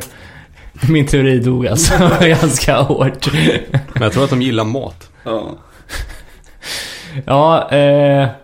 Och 25 to Life har vi väl snackat lite om redan va? Ja, de var ju också från... eh, Det är ju band som är från både eh, New York och New Jersey. Eh, Men som eh, var väl det, jag skulle liksom säga, största bandet i, i den i den genren av alla. Ja. Eh, och så även här i veckan att 25 to Life faktiskt har gjort ett gig i Richmond. Ah. Eh, det börjar ju... Jag kommer inte ihåg riktigt vad fan, det är någon, något bolag eller scene eller skivaffär som jag följer på Instagram som började hypa 25 to Life i veckan. Jag tänkte fan, ska de boka? Men sen började det dyka upp bilder på Rick to Life och, En häst såg jag. hästen. Det var ju sjukt kul. Det är lite självdistans. Ja, men det känns ju som att nu mår han lite bättre. Mullig men gullig. Rick mår bra igen. Nej men alltså jag- om 25 to Life spelar i Sverige så skulle jag backa det 100% oironiskt. För jag tycker Ja, det är fan, Alltså det är ju, det är ju så jävla bra. Alltså, ja, ja, det är fan svinbra. Man kan inte säga något annat egentligen. Mer än att han är dum i huvudet liksom. Alltså, Nej men det är ju lite sinnesförvirring. mm. Ehm, Men New Jersey då? Ja, det, det måste man nästan ändå säga är eh, någon typ av mecka för den här typen av Mhm. musik ja. under 90-talet. Ehm, Men New Jersey är ju så sjukt stort tror jag. Ja, alltså de har ju delat upp scenen lite. Det finns ju en ganska känd eh, hardcore-samling som heter South New Jersey Hardcore. Mm. Eh, där, om man nu snackar eh, underground så är det här, det är fan långt ner i reservoaren alltså. Eh, som, som är jävligt... Eh, det är jävligt, jävligt burkigt och jävligt gruffigt men Eh, de banden som som är mest liksom förknippade med alltså, Tough Mm. Guy New Jersey. eh, det är ju New Jersey Bloodline och Eton Concrete. Men är inte New Jersey lite arbetarklass grej? Jo men s- säkert. Typ Springsteen. Eh, ja, jag vet inte men det känns som att alla alla eh, stadsdelar och alla orter liksom som har någon typ av hardcore-scen är ju sunk. Liksom. Ja. Ehm, och eh, både New Jersey Bloodline och Eton Concrete kommer ifrån en stad som heter Elizabeth. Som ligger, eh, det ligger faktiskt eh, delvis i New York. Så det ligger i den allra nordligaste delen av, eller vad fan blir det? Ja precis, den allra nordligaste delen av, eh, av staten New Jersey då. Men de har väl Manhattan, så är det en flod. Sen är ju New Jersey. Ja men precis. Det är tror- dit man kommer om man simmar. Eller vad man nu gör. Ja, jag, jag har inte hu- hundra koll på det. Ehm, men trots att eh, Elizabeth ligger då delvis i New York så, uh, så rappar ju de här banden alltid New Jersey. Alltså Mm. bara i namnet liksom. Ja, det är New Jersey Bloodline, det är inte bara Bloodline. Mm. De, de hette väl Bloodline först och så fanns det något annat som hette det också. Ja, ja, det, Då la de bara till. Eh, ja, precis. Men de skulle liksom, till exempel som att det är jävligt många band som vill tillskriva sig epitetet New York. Mm. Tänker det, det mest eh, kända det är ju eh, New York Wolfpack. Som egentligen kommer från Albany. eh, så jag menar, de, eh, de skulle egentligen kunna kalla sig för Bloodline NYC eller någonting. Ja. Men just att de har den här, alltså de har verkligen en egen grej som var Men- värd att eh, liksom Bevara Men liksom. vi snackade ju tidigare om det här upproret mot en viss typ av hardcore som, eh, ja, Ja men, ja, men precis. Föddes, och, så- Jag menar, Youth Crew hade ju också sitt sin absoluta centrum i New Jersey. Ja. Så det är ju det är ju återigen den här tesen då Ja. att, att det är ett uh, uppror. Eh, och det kan man också tänka liksom att när Youth Crew-vågen Alltså ett tag där, det gick ju inte att- Man kunde ju inte, de Youth Crew texter var ju så jävla präktiga så man visste ju inte om det var eh, Ja, vad fan heter de nu då? Crucial, Crucial Youth paroditext eller om det var en riktig låt liksom, du vet. Positive Dental Outlook och att man inte ska svära och de här grejerna. just det.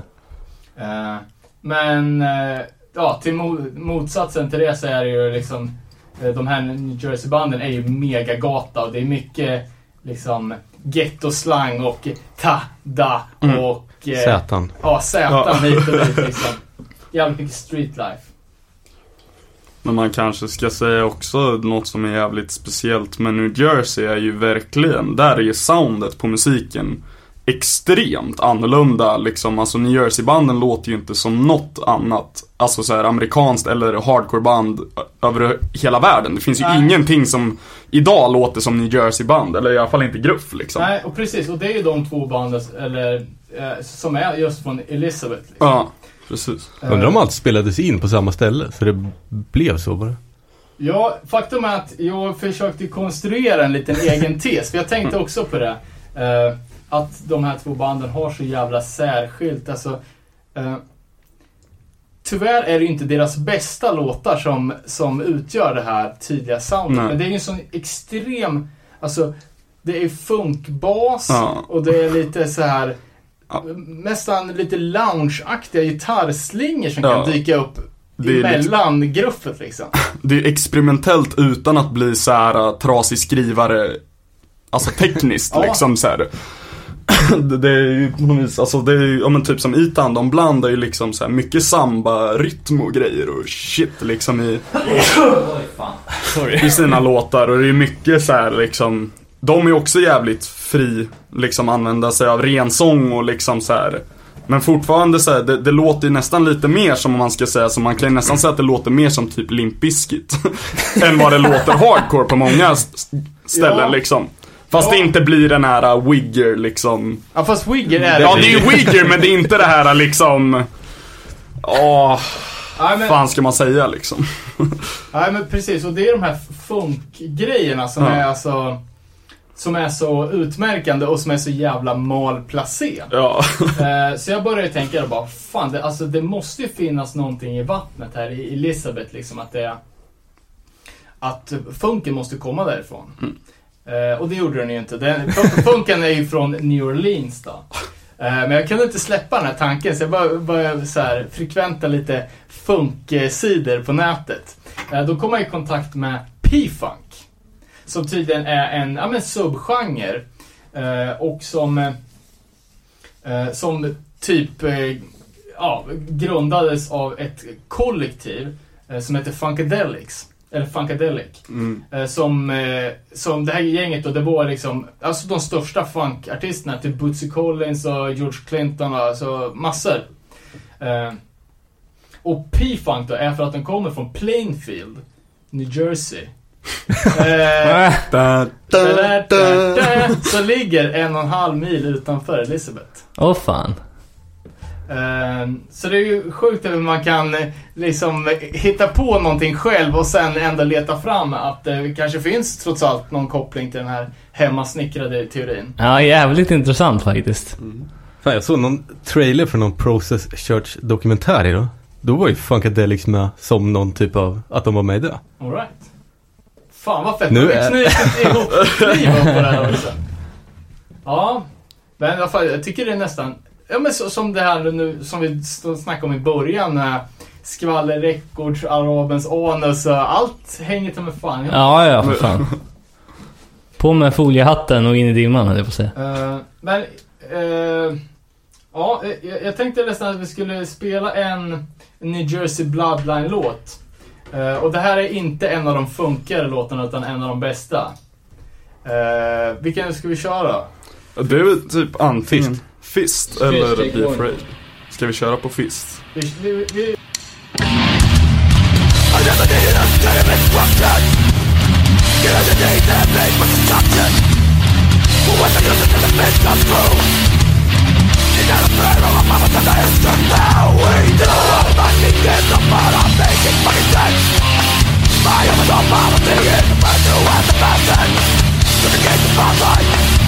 I got nothing to you, I'm thinking I'm not missing anymore It's a fucking difference What's up there with more of life in a circle gathering on one group And I know there's so much more to that And someone like you would never would remember Something to you, but I mean all that to me just one thing that you might be walking all over The meaning of beauty, there's a real world out there, Waiting for me, my escape now would come Get in front of me work that I follow Involved enough to a fucking door Taking something sacred off the American Full of your simple that you have to understand Take my feeling of this to my with every given chance Slap me down my own word Of me getting rid of it From a death it is just what I do To never know the truth Being a hardcore Never asked to be in I don't sleep that I'm your multi walks away when you want to get You've just not nothing you You may walk away around and miss it. You might the like when I'm about to say So don't even fucking listen The rules are no rules at the dead Let you run your mouth, I'm a dead Don't talk about unity ever again. My ears are closed Come to the bed. I'm a dead. I'm a dead skin of my unity Never Talk to the Talk to the face Talk to the face Talk to the face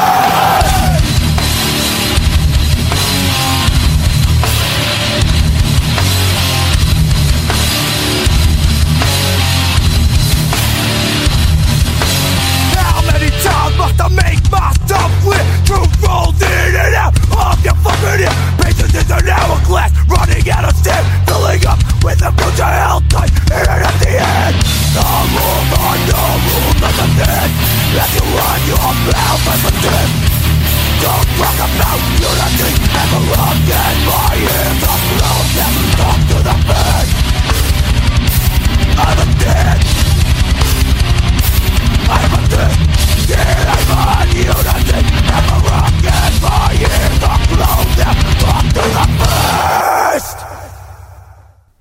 New Jersey Bloodline Fist. Och där kom det in lite klippt också, men det var, det var trevligt. En så kallad hitlåt. Ja, verkligen. Eh, Ja, är från eh, den självbetitlad, eller självbetitlad, den heter ju fan eh, Be Afraid kommer vi fram till. Eh, som från början var en, en kassett och som även har getts ut, låtarna har getts ut på en eh, mini-CD och på en sjua. Eh, tror även att de finns med också på den här trevägssplitten som kom ut eh, på 2000-talet någon gång. Eh, men det, det här är ju Obligatorisk nedladdning. Ja, faktiskt. ett jävligt bra band. Och det är ju, alltså här, här har de ändå någon typ av verkshöjd när det gäller ljudkvalle. ja. Eh, Men- Ja, Men av de här eh, releaserna vi har snackat om hittills, skulle du säga att det här är en av de mer influensrika liksom för nästkommande generation gruffband? Jag tänker bara på de som kommer idag och så vidare liksom, eller, eller är det fortfarande Hate Breeds? Ja, jag, tror, jag tror att det här är, det här är nog jävligt... Eh, det har influerat eh, jävligt mycket band i, i England, i London. Men eh, kanske inte exakt punkt och pricka ljudmässigt utan mer attityds och Mm. eh, känslomässigt. ja. Eh, och någonstans här, även fast det är som stenhårda stenhårda texter och, och jag menar, jag berättade ju en tidigare podd om när jag träffade sångaren Enrique när han gästsjöng för The Hoods, eller om han, ja, när han sjöng för Hoods så han hade liksom, ja, R efter knivslagsmål på hela jävla magen. Så att eh, de, de är ju ett gäng hårdingar som sjunger om hårda saker och det är ju, ja, tough guy hardcore liksom. Mm. Men det finns ju ändå ett ganska stort mått av humor och lite självdistans. ja. Jag tänker mycket för, på, alltså han lägger ju in så här sköna, kaxiga, ja men typ blablabla, scumbag och så här, ja men så här små, små sköna fillers liksom. Tar ut svängarna lite liksom? Ja men precis. Men typ samma på, ja, men typ på eller sista skivan de släppte, Faceless också, som är, som man för övrigt inte borde kolla upp. Eh, den då är det ju några låtar från Be Afraid som de har återinspelat. Och de, till exempel på just Be Afraid-låten så har de ju ett skit i början. Eh, där de så här, ja, det är lite någon snubbe som bara death, death, bla bla bla. Och sen så stannar de upp hela bara, hey we already did that shit one time, bro. så här. Så att de, de verkar ju inte vara sådär Alltså superseriösa med att vara hårdingar heller på det sättet. Eller ja, även fast de är men kanske ja, inte. Ja, precis. Det är, Lite Ja. distans. ja, precis. Och sen ganska roliga texter liksom. Ja, Eh, inte alltid så politiskt korrekta. Och vi, vi snackar ju här om eh, eh, taking deep pulls när you're a cocksucker Ja. with a big glass dick in your mouth motherfucker. Huruvida det, det är, ja. eh, Låten handlar ju om att röka crack men huruvida det gjorde New Jersey Bloodline till ett straight edge band eller inte. Eh, och jag personligen tror ju att de eh, är nog inte speciellt nyktra, men de är heller inte för att överdosera. nej. De smuttar gärna på bången, men inte i för stora. Ja, För stor utsträckning, Ja, exakt. liksom. En crack-zombie, det är inte okej. nej. Men jag vet inte, alltså, det finns ju många band som, eh, som har ett, alltså man drar lite slutsatser om På, på grund av musik och liksom så här som kanske Men- är hur jävla helylle som helst. Jag tror, tror väl mycket det där kan ha att göra med också som, som jag snackade om tidigare att de flesta, även om de inte är straight edge så växer de upp i områden där drogproblemet är jävligt stort liksom. Alltså så här, Ja, det är jävligt stort. Det påverkar alla även om man eh, inte liksom är nykter själv så Ja. har man sett skiten. Liksom. Eh, ja, jag vet inte fan. Tyvärr så är de jävligt populära i Tyskland också. Ja. De Eh, har- spelar ju på något typ av... In, in, innebär det att de gör en klassisk amerikansk band Europa-turné? Det vill säga 18 datum i Tyskland och ett i Schweiz. ja, De spelar på något Filled with Hate en gång, ja, tror jag. eh, ja, precis. Och jag tror att de, de, eh, eller jag vet att de har öppnat With Full Force en gång också på, på någon gång tidigt 2000-tal. Eh, men jag har för mig att valde att inte dra på den här With Filled, with Hate-festen för att det är så jävla dålig stämning. Eh, Även fast eh, det hade varit sjukt fett. Men vadå dålig stämning? Ja men de är ju så jävla jobbiga. De är så jävla tyska menar du? jag skojar. Ja men du vet Har inte ni spelat där Robin? Alltså, Nej. jag tror det var värre, du vet alltså Om vi snackar nu om gruff och beatdown och så här, alltså när den här nya vågen av av beatdown kom som eh, Ja, som jag är ganska säker på introducerades av Shattered Realm liksom. Mm. Då fick ju den ganska, ganska stort genomslag i Tyskland. Eh, och de Och i har- Sverige i och för sig. Ja, absolut. Men att eh, tyskarna hade lite svårare att hantera det här. eh, så liksom, det var ju väldigt mycket vita, vita fuboställ och guldkedjor och sen bara vet, sparka ihjäl folk. Eh, så det var lite osoft att dra på spelningar. Mm. Men eh, New Jersey Bloodline har väl ändå turnerat Finland? Ja, det skulle jag kunna tänka mig. För, för när vi var där över och lirade, då en av snubbarna som bokade dem, eller som bokade alla våra spelningar, eller den större delen av dem i alla fall. Eh, nu vet jag inte vad han heter, men han heter AV Vedenpä på Facebook i alla fall. Han, han sa att han hade en live-DVD med New Jersey Bloodline. Ja, Som man själv hade spelat in eller Ja, som... som han själv hade spelat in liksom. Men, eh, Och Som jag- bränt ut på en DVD. ja precis. som han liksom, ja. Jag vet inte, jag försökte få tag i den där men jag har inte fått, fått den än. Ja. Du får köpa lös den, du köper lös onkel. Split-DVD. Pang. ja DVD är sjukt underskattat format. Uh, ja, kan även säga att eh, de medlemmar från New Jersey Bloodline har massa band, både tidigare och, eh, och senare. Eh, ett, ett som var jävligt fett tycker jag, rätt så jävla okänt band som heter Fat Nuts från New Jersey. De har fan inte jag Eh, hört. Nej, jävligt, eh, jävligt studsig och, bra hardcore. Det är Mm. riktigt unga kids. Eh, Trummisen som gick vidare till, eh, till New Jersey Bloodlines eh, var bara 15 år. Oj. Eh, men de är duktiga, duktiga musiker och eh, det är jävligt bra. Fett. Man kanske ska Släppte nämna, Rick. Det lär ju inte vara jättesvårt att få tag i. Nej, för fan. Nej. man kanske ska nämna, vad heter de? Homicidal. Ja, precis. Som också delar medlemmar med Bulldoze.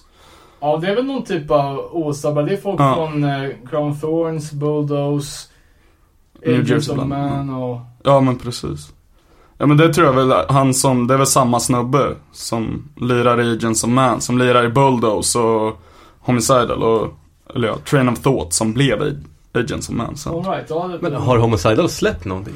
Ja, de har ju släppt en Det var bara demo. fyra låtar. Ja, de har släppt en Violent Music for Violent People och sen så har de släppt en fullängdare som heter State of Mind.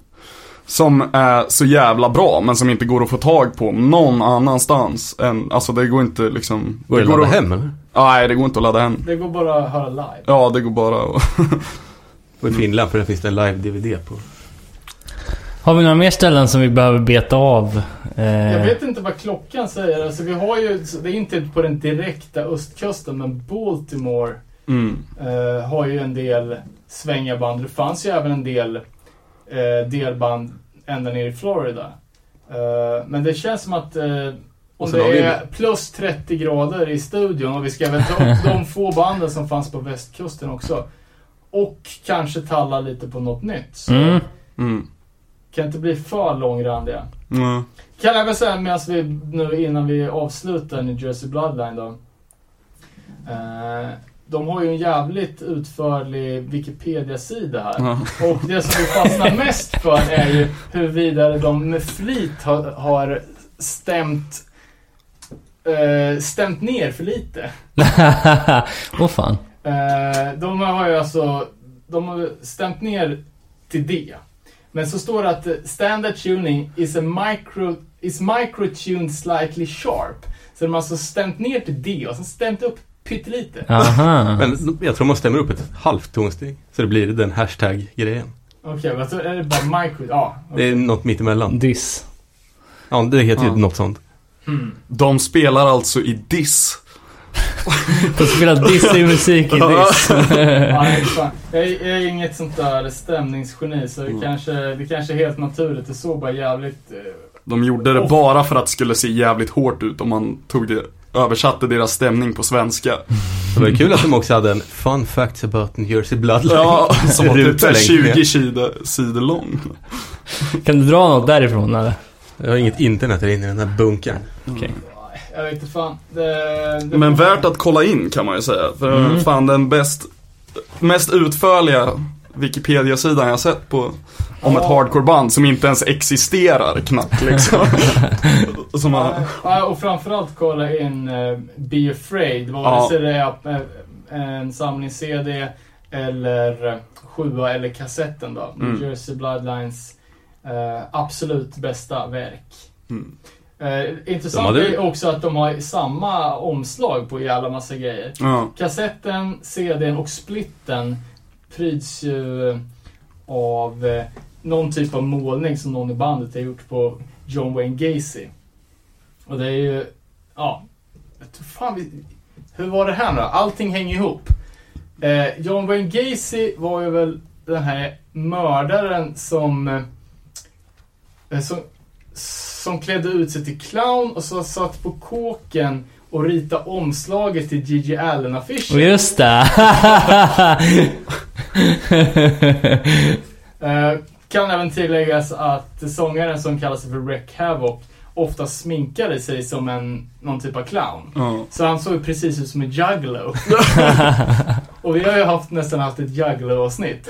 Precis, så och, och Monument har gett ut Wreck Havoc på den skandinaviska marknaden. Så att, Och så, Dock inte samma nej, men ändå. han hade ju för övrigt också hästsvans som vi snackade om förut. Everybody gets hurt. Vi, må, vi måste gå vidare nu innan vi börjar circle jerka för mycket här. Eh, hade du något på Baltimore eller? Jag tror Ska vi spara det till ett Ja, eget okej. avsnitt? Ja, men ka- ska vi säga någonting om, om västkusten då? Det fanns ju inte så många band, alltså. Men New Jersey Bloodline har gjort en split med Sworn Vengeance. Ja, precis. Mm. Som är från Ja, de är västkust ja. någonstans. Det är typ, jag har lyssnat lite på dem men jag har aldrig riktigt tänkt på att de är västkustband. Sworn Vengeance? Ja. Nej, kanske inte. Ja, det är ett sjukt ovästkustigt sound, för det är också... Alltså det är ju... Det är ju fan... Det är gruff, gruff. Ja. Okej. Eh, Jag har, bara, jag har bara deras första sjua som eh, är släppt på Rick Lives bolag. Men jag vet att de har en fullängdare som du har David. Ja, Och jag har släppt nytt va? de har också släppt nytt. Uh, vart ska vi börja? Damnation är den jag har. Den är ju jävligt gruffig.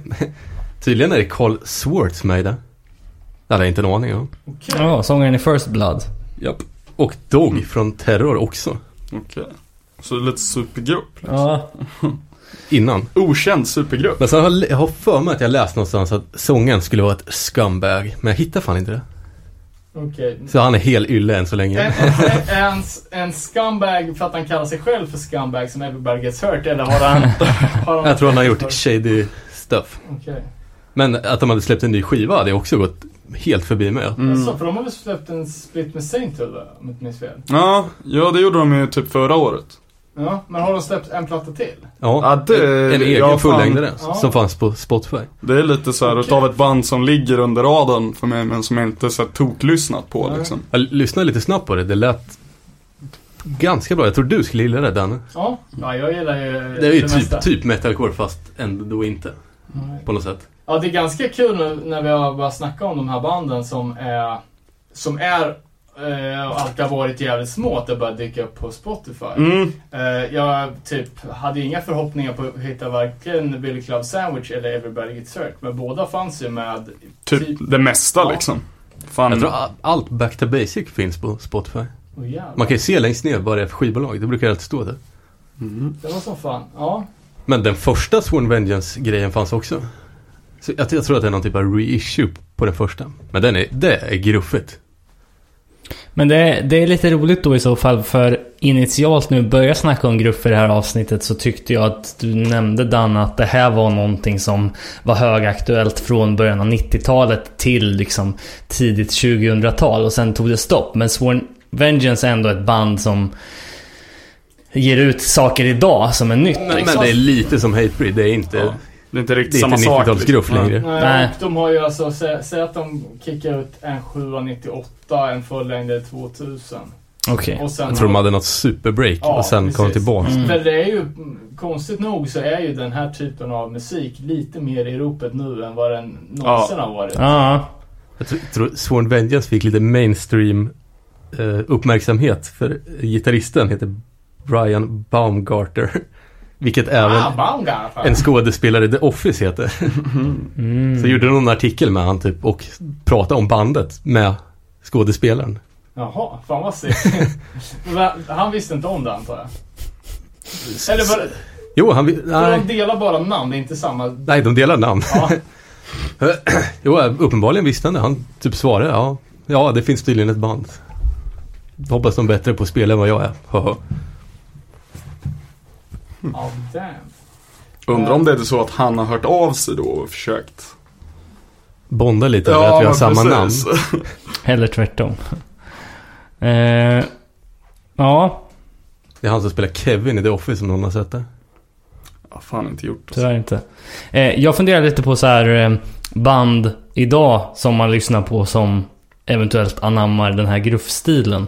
Eh, var inne lite på, på Warhound men som mer är liksom jag har känt är åt beatdown-hållet liksom. Men nu när vi pratar om det och jag har fått det beskrivet för mig så känner jag väl mer att King 9 faller in på, på det lite bättre. I alla fall eh, Scared to Death som Ja. de släppte 2013. Jag tycker ju att fan, just med King 9 är som jag har försökt säga till alla nu senaste tiden, att det är fan bandet som, alltså, gör det där nästan bäst. Alltså de låter i princip som en ny, alltså de, en ny version utav Everybody Gets Hurt tycker jag. Alltså för de verkligen tar det här liksom, riffa med jävligt, alltså, inte mycket bas i gitarrdissen liksom. Det är jävligt diskant dist. Skum fråga. Jag trodde att de var från England. King 9? Ja. Ja, Nej. Och det Long typ. Island. Precis. Men för dem låter ju väldigt så här liksom, ja, jävligt gruffigt liksom. Mm. Alltså det är Ja men också det här med, med sången, att Ja. det är liksom inte eh, ursäkta fullt uttryckt men growl-sång. Nej. Utan att det är mer grunt. Ja men verkligen liksom. Det låter som en arg fotbollsfarsa mer än vad det gör liksom någon. Men nu vet ju jag till nästa gång någon frågar ja, men vad är det här King 9 då? Det är gruff, säger jag då. Ja, Och jag, och jag vet, från Long Island. eh, Skulle, ja. Det tycker jag att eh, alla kan börja, börja sprida uttrycket gruff. Jag tycker det är fan Mm. jävligt klockren beskrivning på en, en genre. ja. Men som du var inne på Robin också med Warhound. Mm, Det är kanske inte riktigt, alltså, de är ju från en stad, eller de är ju från Chicago. mm. Och där, tycker jag, det är ju fan nästan typ om man ska säga den nya mecka fan för hård musik i, i USA nu liksom. På något vis. Alltså för de har ett extremt, i alla fall när det kommer till den hårda hardcore så har de ett jävligt eget sound liksom. Right. Fan, jag är så jävla dåligt inlyssnad på allting efter 99. Ja.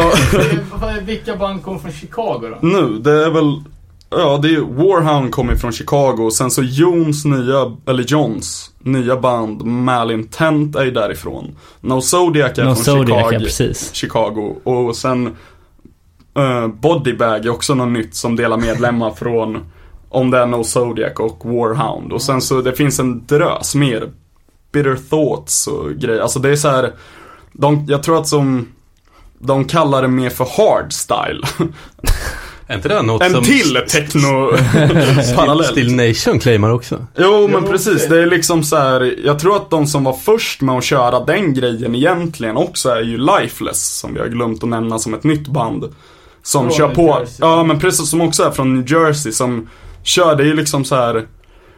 Det, det blir liksom, nu för sig No Zodiac kanske mer beatdown, men typ som Malintent och Warhound och Lifeless och de här kör, det, det är jävligt hårt hela Mm. tiden liksom, men det går aldrig ner och blir beatdown på det här sättet att de bara upprepar samma tråkiga liksom tjugg liksom. Ja. Precis. Utan det är så här, det är så hårt så att du vill fan typ dra pannan i marken hela tiden liksom. Men det blir aldrig tråkigt utan du vill bara fortsätta liksom dra pannan i marken och vara nöjd med Men det. jag, jag håller med. Det var som man... Jag, jag har både Nasty och eh, eh, No Zodiac på min, min playlist liksom. Mm. Och, det, och samma sak med Lifeless liksom. Mm. Det, är, det är jä- alltså...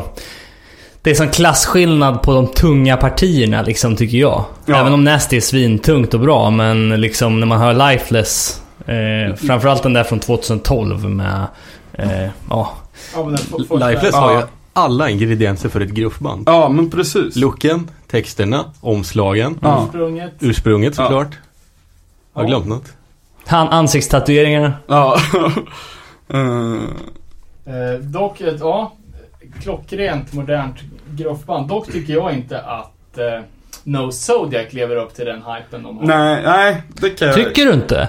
Jag tycker de är mer coola än bra. Ja, men det ska... Eller ä- även fast jag inte vet varför jag tycker de är coola mer än deras typ layout på skivor och sådär. Men det är typ en cool grej att det är så här Ja, nej jag vet inte fan. krustsång på bitan liksom. Ja, jag såg någon ny eh, No Zodiac, eller ny vet jag, jag såg No Zodiac t-shirt där det stod Slam Beatdown. Mm. Så jag vet inte om de har börjat blanda in eh, Slamming Death Ja, eh, i och för sig. influenser. De har ju släppt Eternal Misery i år. Jag har inte lyssnat på den så jag ska inte uttala mig men eh, Population Control är ju fan... Alltså grejen med den har, skivan... har de släppt tre plattor nu? Eh, ja, de, Eller- Burning Hell var ju en EP. Eh, Ja, men just det, två ja. fullisar. Eh, Population Control och Eternal Misery. Men det Population Control var för mig, det var en så här skön mix av beatdown, hardcore och dödsmetall på, Ja. på ett sätt som liksom få band lyckas med. Och Ja, det är alltid så här. man orkar bara lyssna på beatdown så länge liksom. Mm. Men No Zodiac, där får man mycket för, för ögonen liksom. Ja, det är samma, samma platta liksom. Man orkar lyssna på bitarna lika länge som man orkar lyssna på en podd. 27 minuter. Jag skulle säga tills man har matat av alla hitsen. det, Och, och för inte att glömma de stenhårda texterna. ja, precis. Jag såg fan på tal om bitan så vi alla är ju bekanta med 45 Stainless. Mm. De har nog tryckt historiens töntigaste tröja som jag måste köpa. Det, vad fan, det, är- det är bara så här 45 stainless och så, så på ryggen tror jag står There's no such thing as meaningless violence or ghetto beatdown. Alltså, det, ja, det är så jävla nice. Ja, det är fan det hårdaste morskålet någonsin i en av deras låtar när de skriker Vad fan på finska. Jag bara, Mitta bitto!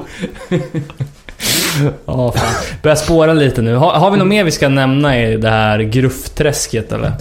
Ett band vi har glömt är Hoods. Ja, just Om det. vi ändå skulle prata västkust. Ja, Typ. exakt. Ett av de få banden från, från västkusten eh, som faktiskt började som mer av ett ordinärt eh, old school hardcore-band men som gick över till att bli ja, lite av eh, pionjärerna i, inom både gruffen men sen också inom liksom den jag vill säga moderna Ja. beatdownen. I alla fall jävligt eh, Hårt. ja, jävligt breakdown-baserat. Jag såg även att de har släppt en ny skiva förra året. Det hade jag också helt missat. Ja, fan, jag tror jag har missat allt de har släppt sen King is Dead eller vad fan är det? Därefter kom det två skivor som inte är så jävla bra. Mm. Alltså jag, jag har fan för mig att The King is Dead kanske inte håller idag Jo, den, jo, jo, Den- jo. Ja, är det den med. Coward och de här? Ja. ja, ja. Jag skulle kunna tänka mig att den håller men vi får väl... Den är pissbra. ja. Men det var ju också när liksom det bara var transportsträcka med punkkomp. Ja. Sånt jävla breakdown liksom. Jävligt, jävligt udda faktiskt.